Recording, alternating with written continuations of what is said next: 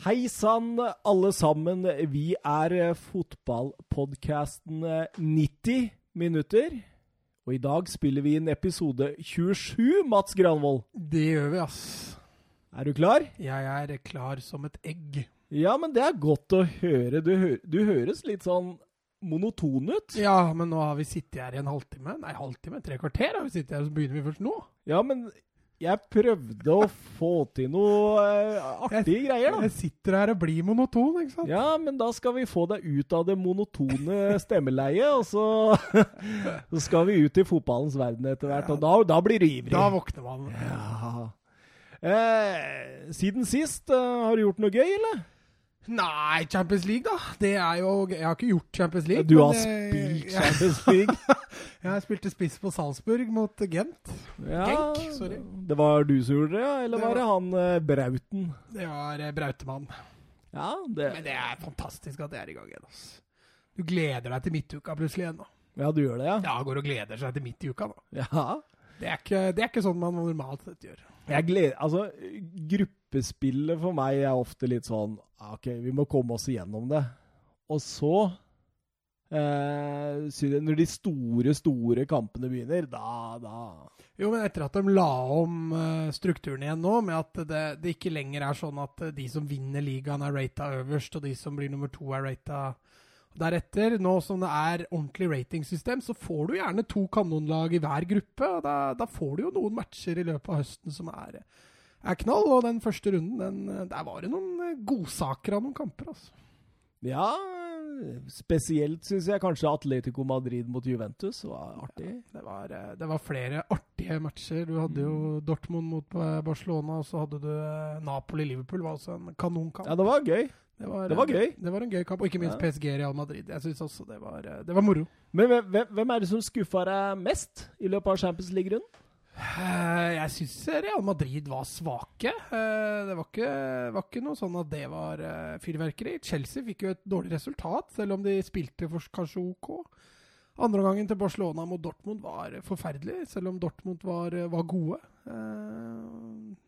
Hva, hva, hva tenker du på? Har du noe Nei, svakt eh, altså- Altså, Tottenham skuffa jo også, må jeg si.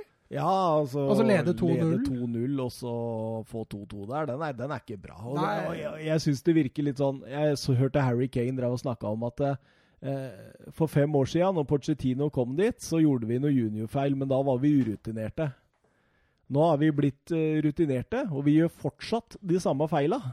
Og det, det så du spesielt på 2-2-skåringen der, hvordan vi spiller egentlig ballen rett i en uh, Olympiako. Nå sier jeg vi igjen. Mm, du gjør det, men Ja. jeg er blitt vant til det. Så jeg, Ja, jeg reagerer ikke på det engang. Nei, eh, litt Tottenham-hjerte må jeg få lov å ha. Men uh, Europa League òg er jo blitt artigere, syns jeg. Uh, spesielt etter at vi begynte med den podkasten her, så er det liksom at du følger litt med. Ja, det, det er noen uh, godkamper der også. Kanskje ikke sånn på det høyeste nivået, men, men artige kamper. Jeg syns Arsenal imponerte med reservelaget mot Eintracht Frankfurt. Ja, definitivt. Jeg syns de imponerte veldig. Eh, Wolverhampton skuffa derimot. Eh, Ja. jeg syns både engelske og spanske lag eh, sleit litt jeg, i både Champions League og Europa League. eh. Men er ikke det litt sånn starttrøbbel, da?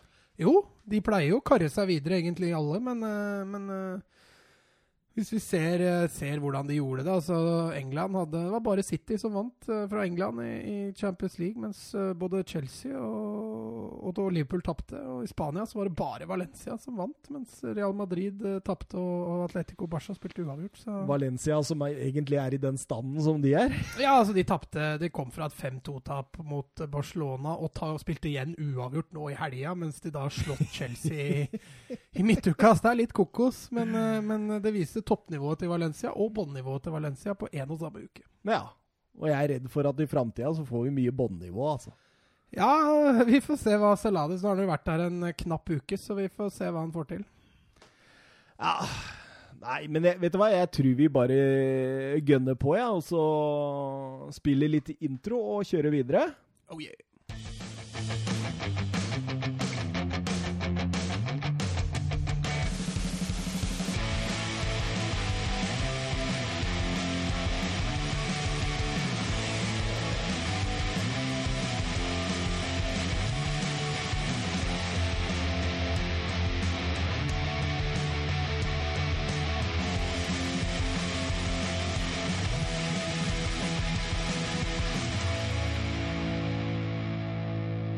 Ja da!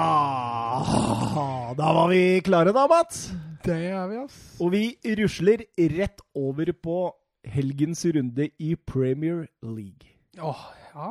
Det er også der er der, det mye å ta tak i. ja, og det er der hovedkampen vår kommer også. Ja, der er også mye snacks. Åh, Den kampen var fantastisk, men vi kan komme tilbake til den etterpå. Mm. Eh, rundreisa vår begynner eh, rett og slett med Leicester mot eh, Tottenham. Yeah. Det, vet, vet du hvor jeg så den kampen?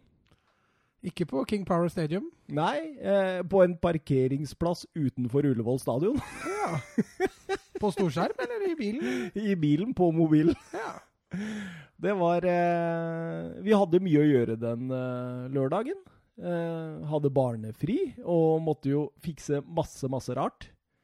Og eh, siden også min samboer er eh, stor Tottenham-fan, så endte det med at vi satt i bilen på en parkeringsplass utafor Ullevål stadion, eller nærmere sagt eh, Elkjøp utafor Ullevål stadion der, den tvers over gata. Ja. Satt vi der, da. Og så eh, første omgang. Peisa i pausa over til Alnabru. og så andre omgang på parkeringshuset på Alnabru-senteret. Ikke sånn en fotballørdag skal være. jo da, jo da. Um, og eh, første omgangen eh, Ja, det var en jevnspilt kamp. Uh, Tottenham uh, kanskje hakket hvassere i starten der. Ja, um, jeg kan være enig i det. Jeg syns det var to spillende lag som møttes. og var gøy fotballkamp. Tottenham, Tottenham var, var hakket hvassere i første omgang, og skåringa til Kane er jo et flaksespark. eh, En fantastisk prestasjon å få den i Åssen Hvordan får han den i mål, egentlig? Er, uh... Han ligger Altså, han, han kommer ut av uh, balanse. Jeg tror han hadde fått frispark hvis ikke han hadde skåra. Det ser jo ut som han får den dytten litt sånn halvveis i ryggen, og da, da bør Ja. det være frispark. Men all ære for at han holder seg på beina så godt han kan der, og avslutter liggende. Det, det, er, Med huet liksom sånn Altså 20 cm over bakken, liksom. ja, Det, det var helt, helt fantastisk skåring. ja, den var nydelig. Og det, er- det er jo sånne mål vi biter oss litt i, for det er jo ikke sånne mål man ser hver dag. Man ser eh, hver dag et skudd i krysset fra 20. Hver dag ser du et skudd i krysset. Ja, gjør man ikke det? da? Sånn hvis man eh, er inne på YouTube og litt sånne forskjellige er steder. Men eh, Nei, jeg syns det målet var Det var egentlig rundens prestasjon, spør du meg. Sånn enkeltmannsprestasjon. Og for et hælspark av Son som sender den gjennom der òg, da. Ja, det var overblikk. Eh, og Tottenham går jo til pause med 0-1, og det virker som de har ganske god kontroll på Leicester. Wardy kommer ikke inn i matchen noe særlig, og eh, Nei, bør jo ikke glemme den vare situasjonen eh, til Aurier der. Det kom kanskje i andre omgang? Den kom jo ut i andre omgang, ja. Eh, det Oi, oi, oi. Den der, der altså. Når Aurier der skårer Ja, altså Jeg må jo bare ta med at jeg syns Madison også hadde en eh, meget god kamp. Eh, Men, men eh, Aurier, som du sier, den offsiden der, den er ekstremt marginal. Men offside er offside. Ja, du mener det? Jeg mener det. det den har blitt diskutert veldig mye nå. Fordi ja, det det. går ikke an å se det med det blotte øyet. Det går rett og slett ikke an. Og så kommer eh, VAR-bussen, som, som står i London et eller annet sted. Og så, og så streker de opp og regner opp, og det tar lange lange tider liksom, før de klarer å finne ut det at eh, kanskje armhulen, eller eh, under eh, armen på Son, er det 0,5 cm eh, foran. Mm. Og da er det offside. Ja, det skal jo være det. Men er, det- er det sånn vi skal ha det, liksom? Skal vi, skal vi ha en pause på så marginale situasjoner i to-tre minutter for å måle og regne? Ja, sånn er det jo blitt sånn at eh, det, det, De undersøker jo også veldig grundig når de er i tvil, og det, det gjelder hands-situasjoner, og det gjelder offsider. og Offsiden er jo egentlig veldig, er en veldig enkel regel å forholde seg til. Ja, men ikke når teknologien Altså, altså det, her er jo en teknologi som har en feilmargin ved seg. Ja, men altså Hvis man skal ta utgangspunkt i at det kan være feil, så, så er jo det selvfølgelig en utrolig kjedelig greie. Men, men man må jo Jeg velger å stole på at Og, eh, og, og vi fikk et uh, spørsmål fra Petter S. her, han skriver at 0-2 med Åre er son i offside. Uh, var det egentlig offside? Og hørte, jeg hørte på PL-pod at de snakket om en feilmargin. Hvorfor dømme sånn på sånt da? Da må man gå bort fra fotballens prinsipper om angripende lag til gode. Jo, men, men angripende lag til gode. Altså her, her er- lar de jo situasjonen gå videre. Eh, Tottenham skårer, og så kommer VAR inn. Og så ser de at eh, De konkluderer med at det er en offside. Og da har man jo ikke noe annet valg enn å godta det. Nei da, absolutt ikke. Uh, ja. Nei, det, det, du har et poeng. Jeg, jeg er egentlig litt målløs av hele situasjonen der, fordi det Altså Med det blottøyet som sier, så er det jo klin umulig å se om det er noe offside. Og hadde linjemannen vinka der, så, så hadde du aldri gått i mål uansett. Og, fordi det er vel situasjon nummer to, og Rier scorer på der, så Men, men det er eh, Nei, det er som du sier, det er utrolig kjedelig å stå og vente fire minutter. Da skjønner du at VAR også er litt i trøbbel. altså. Og dette ga jo Lester en ekstra energi, du så jo det. Ja, de jubla jo som de hadde skåret. Ja, og, og, og du så nesten at det friga energi i hver spiller. Altså Han løp det steget fortere, han var oppe i fortere. Og, og det, altså kampen åpna jo seg opp enormt. Mm. Det svingte jo fra side til side, og det var sjanser i begge retninger. Og så utligner eh, Pereira til 1-1 der. Ja. Skudd i var, lengste. Eh, det var en, en, ref, en eh, refleksjon, holdt jeg på å si. En Mm. deflection. Og så eh, går han under eh, Loris der, men uh, Casaniga. Gazzaniga, sorry. Mm. Uh, så blir det 1-1, og han feirer jo som han har skåret i Champions League, han. Ja, men det er lov, det, da. Ja, ja, absolutt. Og han, har vel ikke så mange mål på samvittigheten? Absolutt ikke. Så eh, og, og fem minutter før slutt, så er det Madison-show. Ja, og jeg syns han, han hadde en fantastisk ride i første omgang òg. Så han, er begynt, altså. han har begynt å bli veldig toneangivende i kampene han spiller. og det, det er jo det som kjennetegner klassespillere. Du så jo en De Bruyne litt seinere i runden og, og sånne ting. Og hvis Madison greier å stabilisere seg på det nivået han, eh, han er på sitt beste, så har Leicester gull i rekken. Altså.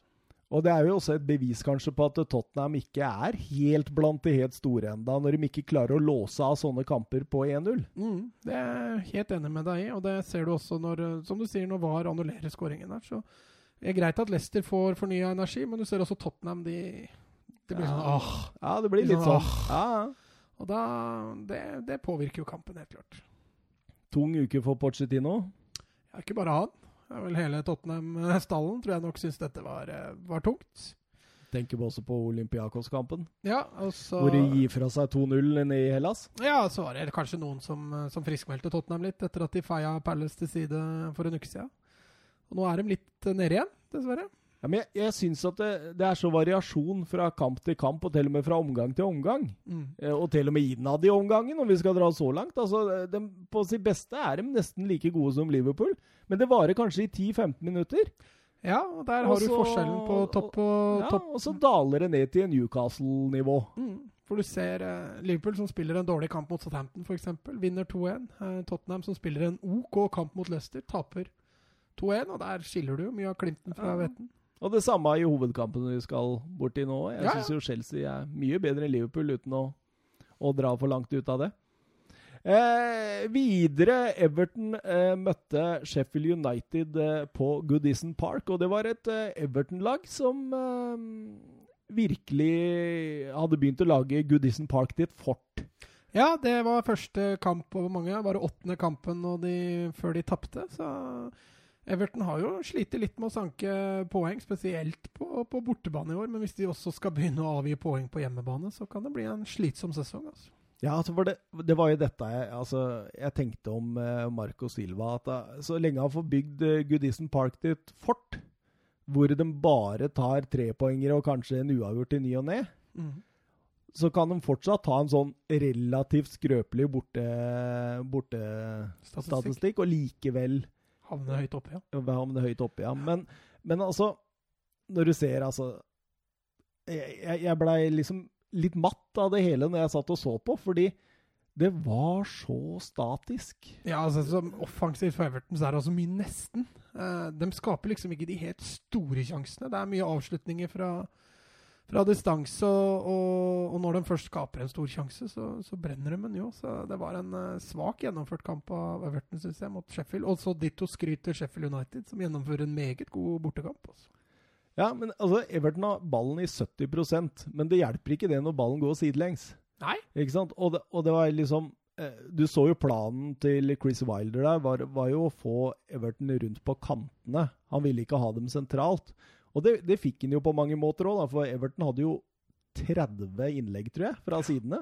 Stemmer det. Uh, men sånn rent, når jeg tenker på Sheffield United, så mener jeg det defensive var meget godt gjennomført. For du ser, offensivt så var det ikke veldig mye fra Sheffield. Som du sier, så var det 70-30 i både Nei, men når de kom, når de kom, så var det mye mer direkte. Sheffield United snakker du om? Ja. ja, ja. ja. Men altså, altså, Sheffield United har to skudd totalt i kampen. Ett på mål, og så vinner de 2-0. Så Det sier også litt om, om, at Everton hadde jo ikke noe Altså Det var ikke noe, var ikke noe sånn sett uh, overkjøring fra Sheffield Uniteds side, men jeg synes Sheffield United var meget dyktige defensivt i den kampen. Og tvang Everton til å spille på mye av de dårlige egenskapene sine. Men hva tenker du om, uh, om Marco Silva nå? Han brukte jo 120 euro i sommer på Iwobi, Keane Eh, Gomez, Gabamin, eh, Delf. Og så brukte han jo 100 euro også sist sesong på Rikarlison, Mina og Dign. Eh, det er jo 220 euro, det som tilsvarer nesten 2,5 milliard, uten at laget egentlig har sett totalt veldig mye bedre ut. Men jeg syns de sliter litt med å erstatte Ghana Gay. Det ser ja, men det, det forutså vi.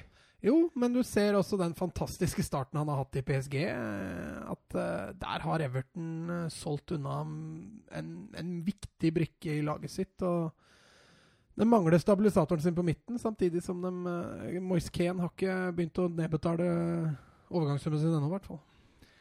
Eh, vi fikk også et Twitter-spørsmål angående Everton fra Gabriel Haaland. Han sier eh, hva tror dere er galt i Everton? Ser ikke ut som de har en plan i det hele tatt. Har ikke vunnet en Premier League-kamp. De har kommet under under eh, Marco Silva. Eh, er en spillergruppe som er for svak, eller må Silva gå? Men, men, men var ikke litt uh, uro i Everton i løpet av fjorårssesongen òg? Jeg mener å huske jeg var inne på noen Everton supportersider, og var flere som var misfornøyde med, med Silva.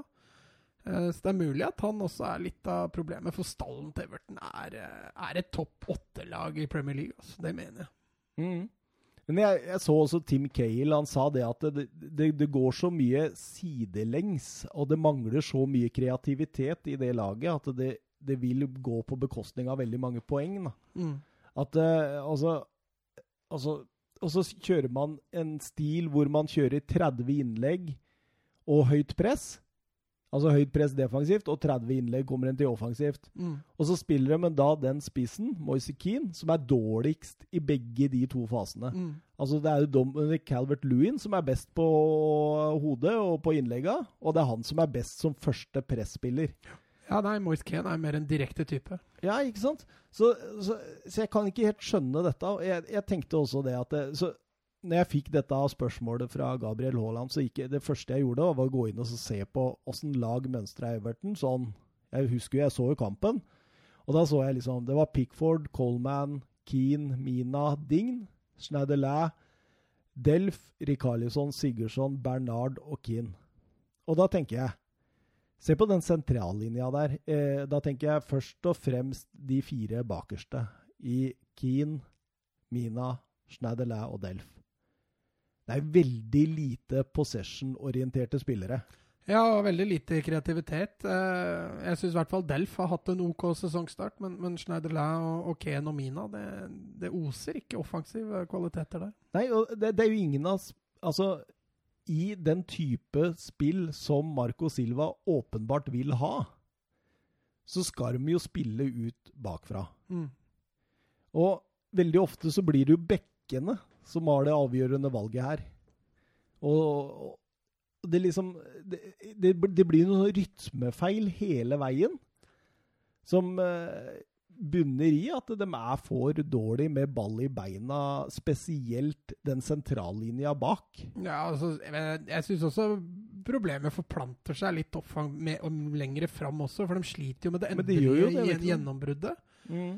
Uh, så det er litt sånn at uh, de, de, de, sliter litt i sentrallinja si med å, med å, finne ut av det. Han har jo ikke fått noe drømmestart, denne Silva. Vi hadde vel tippa Everton helt opp på sjuendeplass, så får håpe de snur det snart. Jeg, jeg, fant fram noen tall her angående Everton. Siden eh, 2.12.2018 har de spilt 22 kamper mot ikke topp seks. Er du med? Ja, jeg er med. De har endt med åtte seire fire uavgjort og ti tap. Ja. ja. Eh, da snakker vi både hjemme og borte. Ja, det er helt riktig. I seks av disse I seks av kampene har de tatt ledelsen 1-0. Altså før 20 minutter har gått. Og alle de seks har de vunnet. Så det betyr at det, i de kampene igjen der de ikke tar ledelsen 1-0 før det har gått 20 minutter, så står de med to seire, tre uavgjort og ti tap. Ja. Og det, det, tyder jo på at her mangler vi en sånn kampledelse, kanskje, utover i kampen. Ja, det høres ut som de sliter med å, å forandre kampbildet til sitt, uh, sitt, favør, og det kan tyde på flere ting. Det ene er at det kan, kan jo sitte litt mentalt, at uh, spillere havner inn i et uh, dårlig spor hver gang de havner under. Men det kan også skyldes kampledelse, selvfølgelig. At, at man sliter med å forandre kampbildet hvis man, hvis man, at man ikke har en plan B. da. Ja, og at man kanskje ikke også har spillere med stort nok repertoar, eller altså, altså, altså egenskapsspennvidde. At man eh, For eksempel, da, når eh, For å ta Tottenham som et eksempel. Når de hadde eh, Lorente som kunne komme inn og forandre kampbildet fordi han var så ekstremt god på én ting. Ikke sant? Mm. Altså, der ser jeg ikke Everton har noen spillere som kan gjøre en sånn jobb. Nei, de har ingen med, med sånne, hva skal vi si, voldsom spisskompetanse da, som kan, kan, bryte opp litt. Uh, verken offensivt eller defensivt, egentlig. Mye like spillertyper uh, innad i posisjonen også. Så Ikke sant? Det, det tyder jo på at han, han, har en plan A, og så sliter han med å, med ja. å sliter dem. Og det viser tallene òg. Mm. Det er en plan A som er der, og funker ikke den, så er det ingen plan B. Og det er ingen spillere som kan komme inn og forandre et, eh, et, et på en måte en, en plan. da. Nei. Nei, jeg er helt enig. Kan jo kan jo bare kjapt nevne også at de, de leda jo også mot Wolverhampton hjemme forrige hjemmekamp. Og, og da, havna, da tok jo Wolfs og reduserte to ganger, men da, da kom Everton tilbake igjen. Ja da, altså det er jo ingen regel uten unntak. Neida. Men, men uh, sånn har ståa vært i det siste. Og jeg, jeg, jeg, er litt redd for Everton under Marco Silva, altså. Jeg er det. At det, det, det er brukt mye penger, de skal ta det neste steget. Jeg er litt usikker på om han er treneren som kan ta det neste steget. Nei, det kan hende han også må finne seg en ny arbeidsgiver i løpet før jul. Ikke før Solskjær.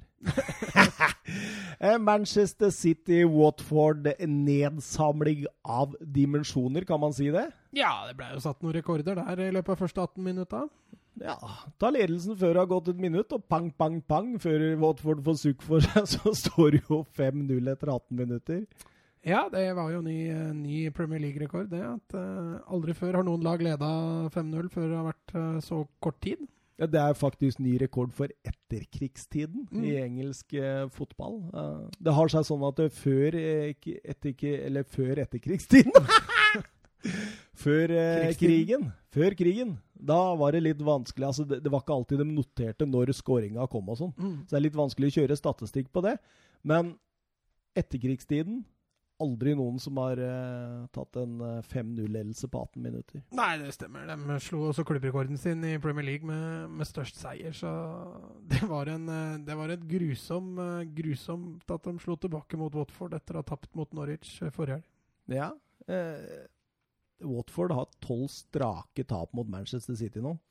Ja, jeg leste noen greier om at de og, og West Bromwich har forferdelig statistikk eh, mot City. Mm. Aguero Skåra i sju kamper, strake kamper, i Premier League nå. Det har ikke skjedd siden Lukaku gjorde det i 2015. Mm. Han er i form, han. Han er i form. Det tyda ikke mye på i Copa America i sommer. Nei. Så det er en ny Aguero vi ser nå.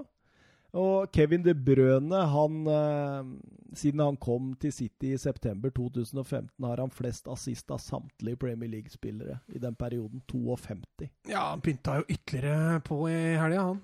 Mm. Manchester United har jo Premier League-rekorden med 9-0 mot Ipswich fra 1995. Og da reporterne spurte Guardiola om han ikke burde gått for den, så sa han bare I didn't know. Nei, det, er det så mye mer å si, ja?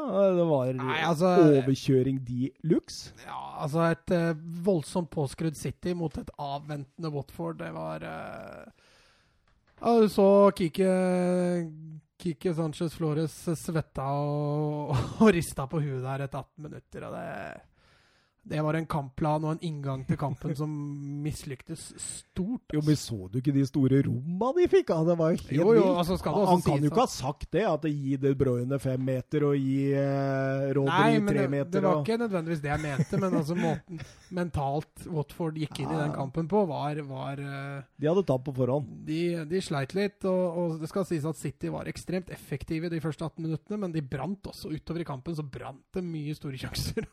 det kunne fort ha vært 12-14-0 i Ja. matchen her. Altså.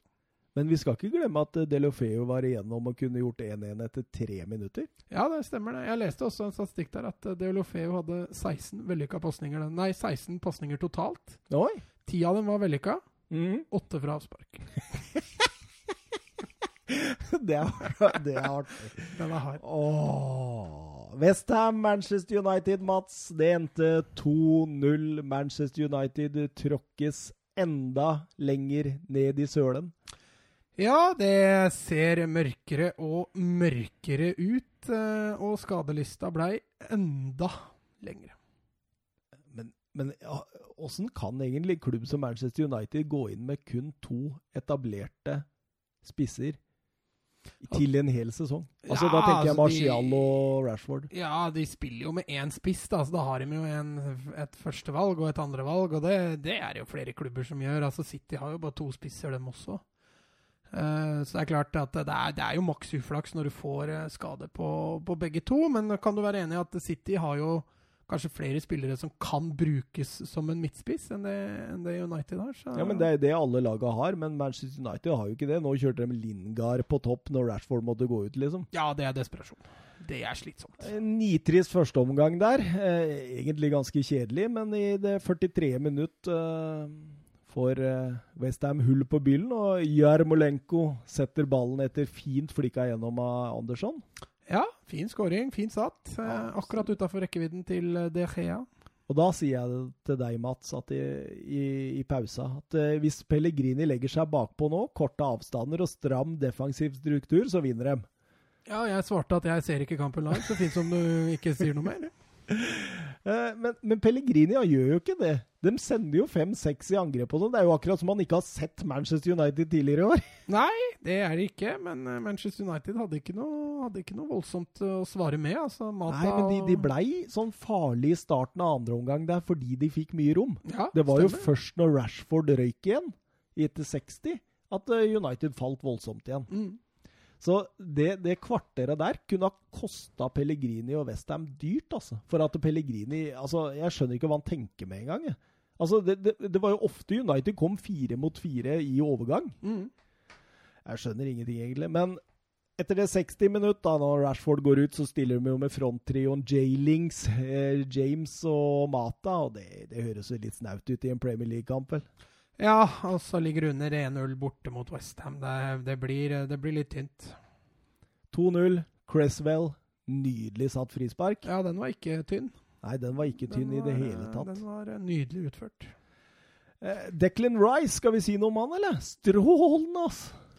For ja, en spiller. jeg satt faktisk og tenkte på det samme. Det var vel en spiller United virkelig hadde trengt. Uh, han bryter opp voldsomt, vinner enormt mange baller, og jeg tror ikke jeg telte så veldig mange feilpasninger på den gutten. Selv om mye av det er sidelengs og bakover, så, så har han stålkontroll på midtbanen til Westham. Altså. Han er så busketsete, han.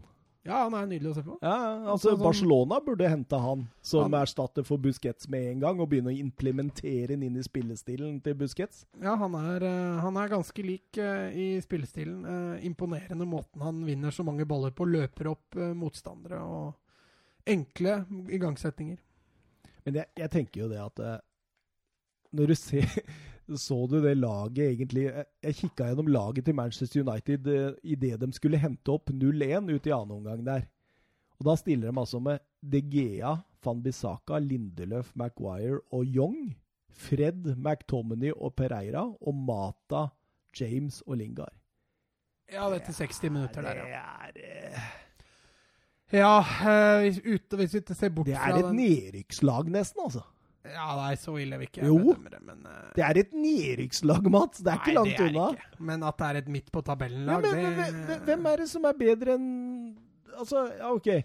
Ok, Skal vi gå gjennom De ja. OK. Bisaka, Ja, han imponerte voldsomt? Nei. Ja, jeg syns han hadde en bra kamp mot Westham. Ja, han var en av Uniteds bedre mot Westham, i hvert fall. Ja, det, men det sier ikke så mye. Lindeløf han holder ikke mål. Ikke i det hele tatt. Maguire, OK, greit, han er helt OK. Young, ræva. Fred, ræva. McTominay, under pari. Pereira, ræva. Mata, ræva. James er ung og god, men han er, han er ikke noen spiller som er god nok for å spille i eh, Manchester United uke ut og uke inn. Og så Lingard på topp, da. som er, Han er jo mer opptatt av klesmerket sitt enn han er opptatt av fotballen for tida. Dette er ikke bra, Mats. Nei, for å kjempe om topp seks så er jeg helt enig, men dette er ikke noe nedrykkslag. Altså Sammenligna med, med f.eks. Everton, da, som du ramsa opp nå, så, så, er jo dette en bedre førsteoppstilling enn Everton ja, klarer vi, å stille med. Vi, hvis de har inne de skada Marcial, Rashford, bort... Pogba og Shaw. Men dette laget er ikke bedre enn Everton. Hvis du ser bort ja, altså Hvis du ser bort fra skadene, glemmer skadene nå til, til United ja, ja. Hvis, bare, bare, hvis vi later som dette hadde vært det beste de kunne stilt, da. Se bort fra Pogba og, og alt ja. det andre. Så mener du at det laget jeg ramsa opp nå, er bedre enn Everton sitt? Nei, hvis du ramser opp det, så er jeg enig med deg. Ja. Men Everton setter vi jo som en åtter, kanskje. Åttendeplass. Jeg vil tippe at United med det laget der burde ha greid en midt på tabellen. Plassering. Godt under, tror jeg. Særlig med Solskjær som trener. Ja. Ja, eh, Nei, jeg kan ikke diskutere så voldsomt med det. Men, eh, men, eh, men eh, jeg syns dette laget her eh, taper greit for Westham. Det er eh, ingenting å si på det. Nei, jeg, jeg, jeg blir helt fra meg. Vi, vi hadde vel noe Twitter-spørsmål angående Manchester United, tror jeg. Skal vi se Vebjørn Fredheim. Jeg tror han er Westham-supporter. Mm. Hva er det han sier, da? Jeg setter pris på dere også. Wow. Og jeg vi satt pris på, på lyttespørsmål. Eh, kan Thomas please ta en liten rant om Manchester United? Det har jeg kanskje gjort sånn delvis, i hvert fall. Eh, hva tenker dere om Phil Jones' eh? Er hele Manchester United ferdig nå? Så du det, eller? Ja, men jeg tror ikke det var det som ble sagt. Det ser sånn ut. Sacked in the morning? Ja. We're on camera, stopp. Ja. At han sier stopp, det er enig i, det ser sånn ut. Men ja. alt det andre klarer ikke jeg å, å kjenne igjen at det ja, Men det, det er tydeligvis være. leppelesere som sier at det er det som blir sagt. Ja, men det har også vært leppelesere som sier at det er ikke det som blir sagt. Så det har vært litt sånn begge deler. Mm. Men, uh, men, jeg men, men, du ser at Woodward er forbanna? Blir ja, forbanna på ja, Ja, men hva som blir sagt, det er jo vanskelig å, å si. Og du ser han sier stopp, ja, og du ser stopp, man stopp. sier camera. Stopp er det eneste jeg kjenner igjen der. Alt det mm. andre kan være flere ting. Men, men, la oss si han sier det, da. Hva ville du gjort som trener da? Nei, Phil Jones måtte jo finne seg en ny klubb, i hvert fall. Han har ikke troa på verken Solskjær eller det han eh, men, kommer men med. Men Phil Jones må jo bare slutte. Solskjær er jo en bedre trener enn Phil Jones er midtstopper, så jeg fatter jo ikke hva han driver med engang. Hvis, hvis det er det som er blitt sagt. Men før sesongen, når han hadde Smalling og Jones i stallen, så burde han jo ha kvitta seg med Jones. Smalling er hakket hvassere, altså. Ja, det er jeg enig i. Eh, men nå ble jo Jones Det er sikkert ingen som ville ha Jones ute. Nei, det var kanskje det som var problemet. Men, eh, men eh, nei, hvis det var det som ble sagt, så, så må jo Phil Jones gå litt i seg sjøl, i hvert fall. For det, en sånn type har ikke Solskjær bruk for. Manchester United og Ole Gunnar Solskjær har null seire, null uavgjort og ni tap når de slipper inn første målet etter Paris Saint-Germain-kampen. Eh, vi har jo snakka litt om det, at hvis Manchester United tar ledelsen 1-0 og andre lag må fremover, så er det en uh, stor sjanse for at Manchester United uh, tar poeng, i hvert fall. Og hvis du skårer det første målet på Manchester United og legger deg litt, så er du garantert tre poeng. så selvsikre er vi faktisk. Ja, og vet du hva? De, de ta, siden PSG så har de tapt 11 av 19 annenomganger. Ja, det er mye. Det er voldsomt. Det er stygge tall, altså. Jeg, men, jeg, men, jeg, står fortsatt fast ved at, uh, at eh, Solskjær har begynt på noe bra. Ja, det har du vel. Det gjør jeg faktisk. Ja, men hva, hva, er, hva, er, det bra? At han har, nei, at han har brukt 1,6 euro på to engelske unge spillere? Ja, altså, altså, at han begynner litt på nytt, da. At han, at han, er på vei til å fase ut litt de spillere som, som, United ikke har eh, Som har prestert for United. Og at han henter inn ungt uh, britisk uh, Ikke nødvendigvis britisk, men at han begynner litt på nytt. da. Uh, kan ikke forvente mirakler. altså Dette United-laget her har jo ikke vært ekstremt gode etter Ferguson la, la opp uansett. I Match of the Day, Mats, så sier Mourinho ingenting positivt og ingen forandring fra tiden under meg. Og Roy Keane sier ingen ledere, ingen karakter, ingen lidenskap, ingen kvaliteter. Sjokkerende og skremmende. Du kan ikke Nei, jeg er ikke uenig i det, jeg. Nei, det er ikke det. Eh, Altså Fremgangen Takk, takk. Fra, fra Mourinho sin tid i den kampen her er jo null, kanskje ja, altså, I kampene etter Paris Saint-Germain, etter han fikk fast jobb, kan du si. Ja, etter han fikk fast jobb, så er det jo ikke noe fremgang i det hele tatt. Eh, Kanskje til og med vært verre enn under Mourinho sin tid. Eh, Så, så eh, spørsmålet er som sagt hvor god tid United har. Og så har jeg fletta et inn også fra Jørgen Be Ready Nystuen her. Han eh, skriver eh, Tror jeg så Thomas på bussterminalen i helgen. Kan det stemme? Hvis det er Oslo bussterminal, så kan det stemme, for jeg jobba litt eh, ekstra den helga. Eh, men bekreft så kanskje våre veier krysses en annen gang. Han var for usikker til å si hei. Jeg syns du skal gå fram og si hei, jeg, Jørgen. Det hadde vært hyggelig. Ja, Thomas er ikke vanskelig å snakke med, så det går fint. Nei, nei, det går Han bra. biter ikke. Nei, absolutt ikke. Og så spør han også hvem ryker først av Solskjær og Valverde. Den kan du svare på, det. Det, det er tøft spør- Det er tøft å svare på. Uh, eh, nei, det, det blir bare, faktisk bare å tippe. For de kan ryke når som helst, begge to, egentlig. Ja, jeg tror det, jeg òg. Jeg tror, jeg tror Bartomeo er såpass backing på Valverde, og han har Messi i ryggen. Jeg tror Solskjær ryker først. Men, men du glemte overså en fra Vebjørn, da. Ok.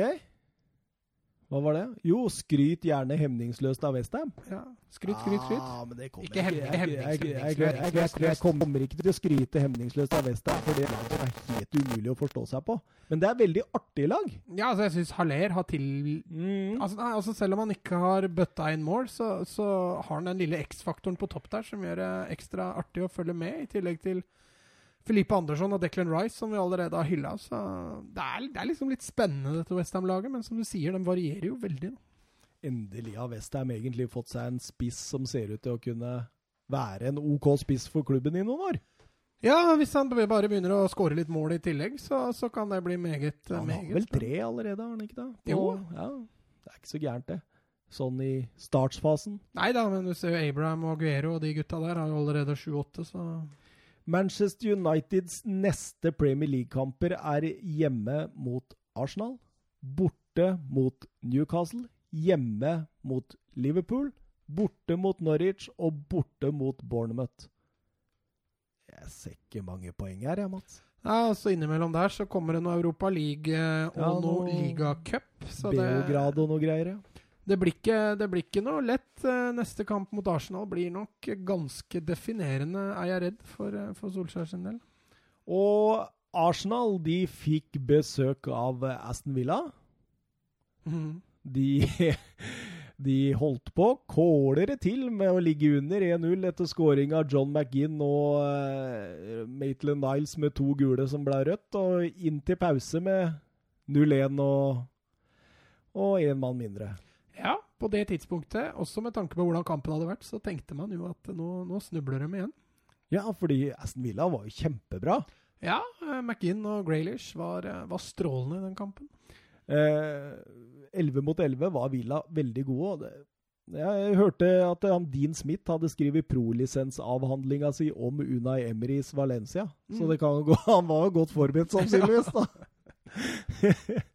eh, men det Arsenal i nyere tid, da snakker jeg om ikke eh, Wenger eh, tidlig periode og litt utover, men i nyere tid, altså de siste åra til Wenger, det de ikke klarte med han, som de har klart med Emery, det er å snu kamper.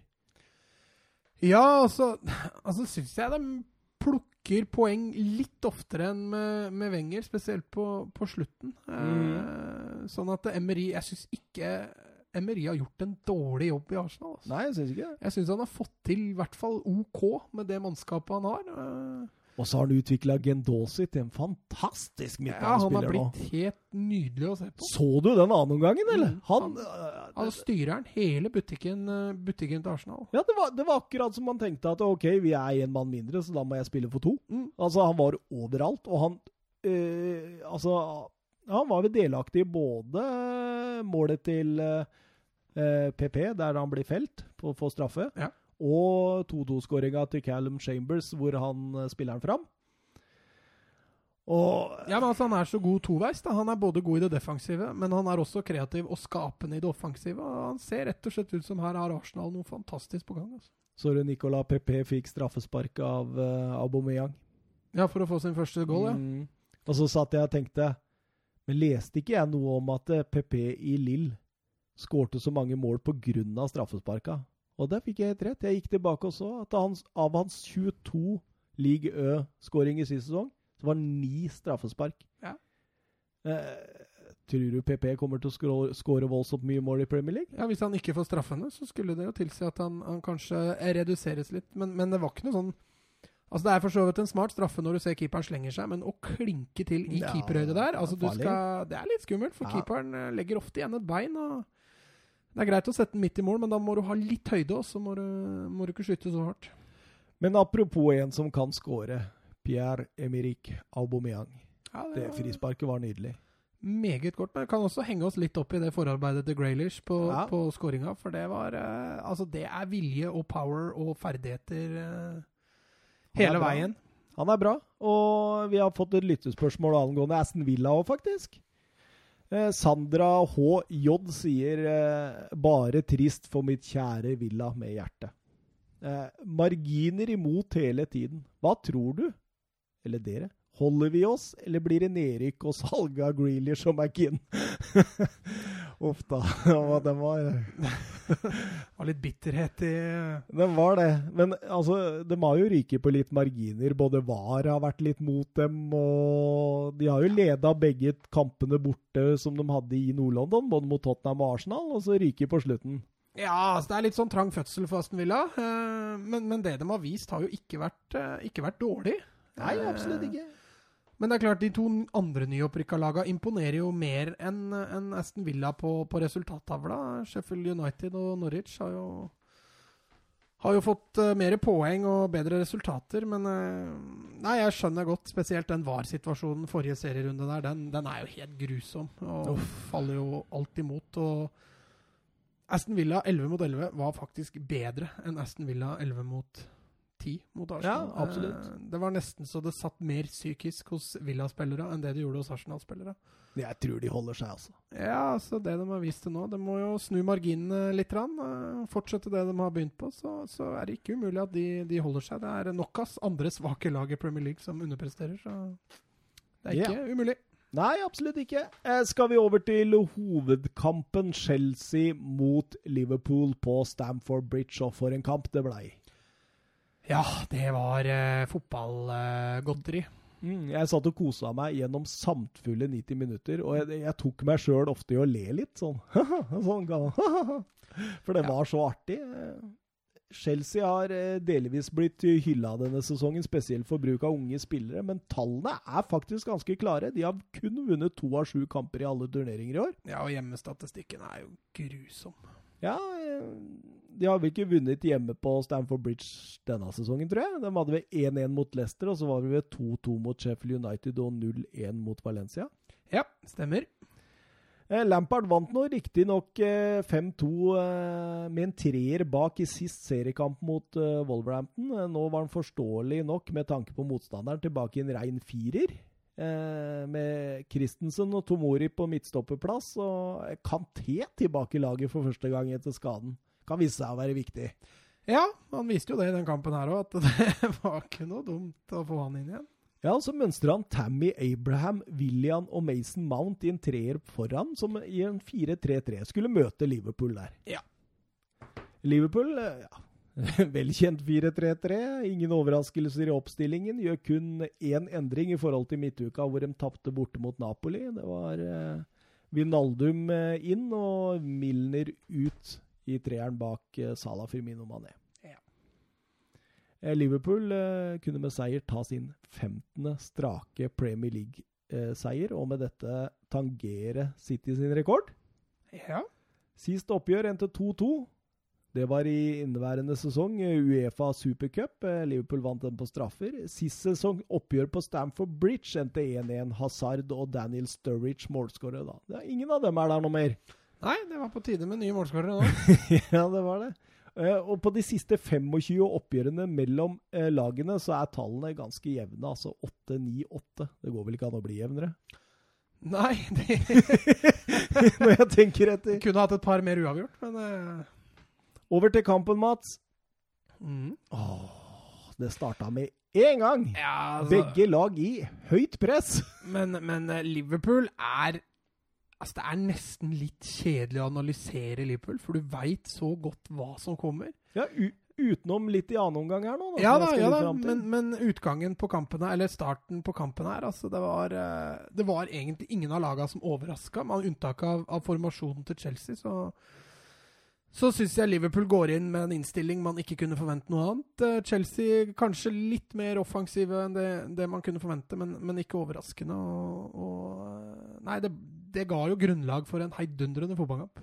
Ja, det var jo to trenere da, som kjører 4-3-3 og høyt press, og du, du skjønte jo at eh, sist eh, kamp Chelsea hadde mot, eh, mot eh, Wolverhampton, så skjønte du jo at Lampard hadde møtt Wolverhampton på veien her, for å prøve å Og det, det samme gjør han jo her. Mm. Han stiller han jo opp nøyaktig det samme som eh, Liverpool gjør. I, med den eh, måten å, å møte Liverpool på det Liverpool sjøl er gode på. Og Men offensivt syns du ikke Chelsea minna litt om Sarri? Jo, jo kanskje Altså, det var eh, litt spillere i samme posisjoner igjen. eh, og så er det det Jorginho dypt og Kanté indre. Ja, og så Mm. På den andre indreløperen, som igjen gjør at du får en veldig flat midtbane offensivt. Eh, og jeg syns Chelsea sleit i starten med, med å ta det mellomrommet til Liverpool, eh, spesielt i etablert. For de, utover i kampen så fikk de jo litt muligheter etablert. Ja, og det er, det er jo sånn Det er nesten litt artig å se på Liverpool i etablert. Fordi de spiller jo nærmest en 2-3-5-formasjon. Ja, Bekkene er jo De ligger jo så høyt. Men, men det er litt det jeg skal fram til, da. For når Chelsea hadde jo noen kontringsmuligheter, og de, de gangene de greide å tre gjennom Abri, uh, Abraham Tammy Abraham. Uh, så var det gjerne en direkte pasning enten fra forsvarsleddet eller direkte opp fra, fra midtbaneleddet. De hadde ingen i det offensive mellomrommet som f.eks. en Mason Mount kunne, kunne briljert i. Ja. Han blei dytta ut venstre. Et par halvsjanser i starten. Mané er nær på å komme igjennom. Aspille Cuelta gjør en gedigen brytning der. Mm. Og eh, Mason Mount eh, holder på å finne Tamy Abraham rett inn foran mål der. Så Ja. det, det, var, det var to sånne halvsjanser før målet kom etter 14 minutter. 0-1 Trent Alexander Arnold. Og ta oss gjennom den! Han eh, Nei, altså det er uh, Salah som, som legger den tilbake igjen, og, og Arnold som uh, klinker den inn i lengste Ja, vi kan vel være snille og si krysset. Uh, men han har en skuddteknikk, eh, Trent Alexander Arnold, og en innleggsteknikk, altså en generell mm. pasningsteknikk, som er, er ganske unik. Eh, måten han strammer hele beinet på, og, og selvfølgelig ankelen, eh, og den krafta han får i ballen. Det blir sånn der ordentlig prosjektil eh, av noen pasninger og skudd han har, og den eh, Altså, Kepa er jo sjanseløs. Selv om han går i keeperhjørnet, så er altså Kepa sjanseløs, og jeg betegner det på ingen måte som noen keepertabbe. Men hvis vi spoler litt tilbake eh, til da frisparket Liverpool får det eh, Er det ikke litt dumt av Christensen å gå så hardt i ryggen på en feilvendt Mané, er det vel? Ja, men, men han, han går jo ikke ryggen på, men han prøver jo å ta ballen med, Ja, med han- beina, men, men- Mané får satt eh, beinet imellom. Og det klarer ikke Christensen å lese. Eh, så han tror han skal ta ball, og så plutselig er beinet til Mané der. eh. Så jeg tror at ja, det er en dårlig jobb av Christensen, men, men så lenge han velger å gå for ball der, så er det ikke så mye annerledes han får gjort. Nei. Eh, Chelsea må gjøre et tidlig bytte. Emerson ut med skade og Alonso inn. Og dette tenkte jeg dette kan være en katastrofe for Chelsea, fordi eh, Alonso er jo ikke noe rein eh, back i en firer. Han er jo mer en wingback, og tenk på det rommet han kan etterlate til Salah, tenkte jeg. Ja, men Salah hadde en svak, Svak kamp, ja. kamp. Mm. Og det var det som redda Alonso, tenker jeg. Ja, for han fikk jo en del baller å jobbe med, Salah. Mm. Men uh, det resulterte sjeldent i, i noe sluttprodukt. 24 minutter, Kjempekjanse til Tammy Abraham der. Christensen finner Abraham en nydelig gjennombruddspasning der. Ja, det var det jeg snakka om. At de gangene Chelsea klarte å tre seg gjennom, så var det gjerne en direktepasning fra, fra forsvaret opp, og ikke via mellomrommet. Og to minutter etterpå så annullerer VAR en Cæsar Aspilicuelta-skåring. Ja, den, eh, den var ikke så marginal. Nei, men det var, det var, så mange trekk før, så det, jeg, jeg, skjønte ikke helt den med en gang. For det var jo det, spillet må jo ha pågått i 12-13-14 sekunder etter den offsiden på Mason Mount der. Ja, den gjorde, gjorde det. Å, det, det, må være bittert, egentlig. Er liksom, for det, det, er så mange sjanser Liverpool har så mange sjanser til å rette det opp, da. Ja, ja. Eh, men, men. Eh, og da syns jeg på den tidspunktet der, så syns jeg faktisk Chelsea fortjener en utligning. Mm. Men, men uh, hvor lang tid tror du det må gå før, uh, før ja. uh, de ikke tar det? Jeg tror rett og slett det må være, at ballen må være ute av spill. Ja, at det begynner på nytt. Ja, ja. Jeg tror nesten det. og når jeg tenker det at nå fortjener Chelsea en utligning, så smeller 0-2 i mål. Ja, Fryktelig markeringssvikt i, i Chelsea-forsvaret der. Firmino får gå opp helt alene, og jeg skjønner ikke at det er mulig. Men dommer, da! Du kan ikke dømme frispark i forkant der. Altså, hva, hva skal Kvelta gjøre? Skal han forsvinne i løse lufta, eller? Nei, altså, Vinaldum blir... går rett på Aspilicuelta. Aspilicuelta instruerer han, han hopper opp! Mm, han blir konstruert der eh, Eller hele situasjonen er konstruert der, Vinaldum. Og, og, du ser det er liksom litt det han vil ha der, Vinaldum. Og han, han finner ingen andre utveier. Og... Går rett inn, altså. Han er jo rutinert òg, vil du ikke si det? Jo, jo Vinaldum, ja. Jo, jo, jo. Men jeg er helt enig. altså, uh, Aspelikueita kan jo ikke forsvinne ut i løse lufta. Det går jo ikke. Så det var et litt billig, billig frispark, men rutinert av Vinaldum. Litt billig. Det er jo mer frispark til Aspelikuelta, spør du meg. Altså, Du kan jo ikke gå inn i en spiller sånn som det der. Det er jo helt latterlig. Og da så du, da var Chelsea møkk leie. Og, og du, du, så hørte også på tribunen at de jubla ironisk når Chelsea fikk et frispark og sånn. Mm. Da var de ganske leie. Og Oliver, han eh, Han fikk høre det? Ja, han fikk høre det. Han gjorde det.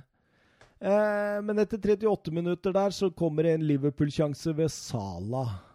Eh, Trent Alexander Arnold finner Sala i bakrom bak Alonso, som jeg var inne på. Det var vel den eneste gangen også Sala kom. Ja. Skjærer inn og avslutter, men Christensen blokkerer. og Hadde han ikke vært mer tjent å spille til Mané der?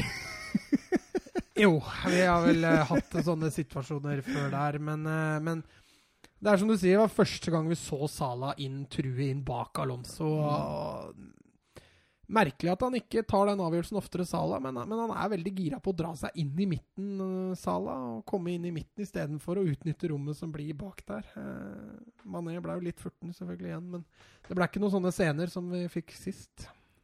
Og minutter etter at man frykta at Abraham skulle gå av da han fikk ned i sida av uh, Adrian. Mm.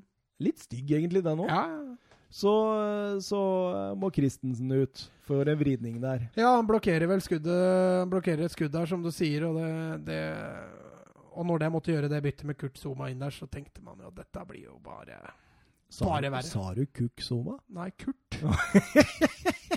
nei, nei, nei, nei. Nå må du Det er seint på kvelden. Det er, ingen, det er 18-årsgrense. eh, føler litt mer Chelsea nå, eller? Ja, det, han gjør jo det, men jeg syns også det at, det at, Liverpool leda den etter første gang Jeg syns ikke det var noe sånn voldsomt ufortjent, selv om, selv om Chelsea kanskje hadde følt Det er en jevn match. Det er en jevn kamp, mm. men det var ikke noe sånn Altså, 2-0, det er litt flatterende, det er jeg helt enig i. Men om ett av lagene hadde leda 1-0, så hadde jo ikke det vært voldsomt ufortjent.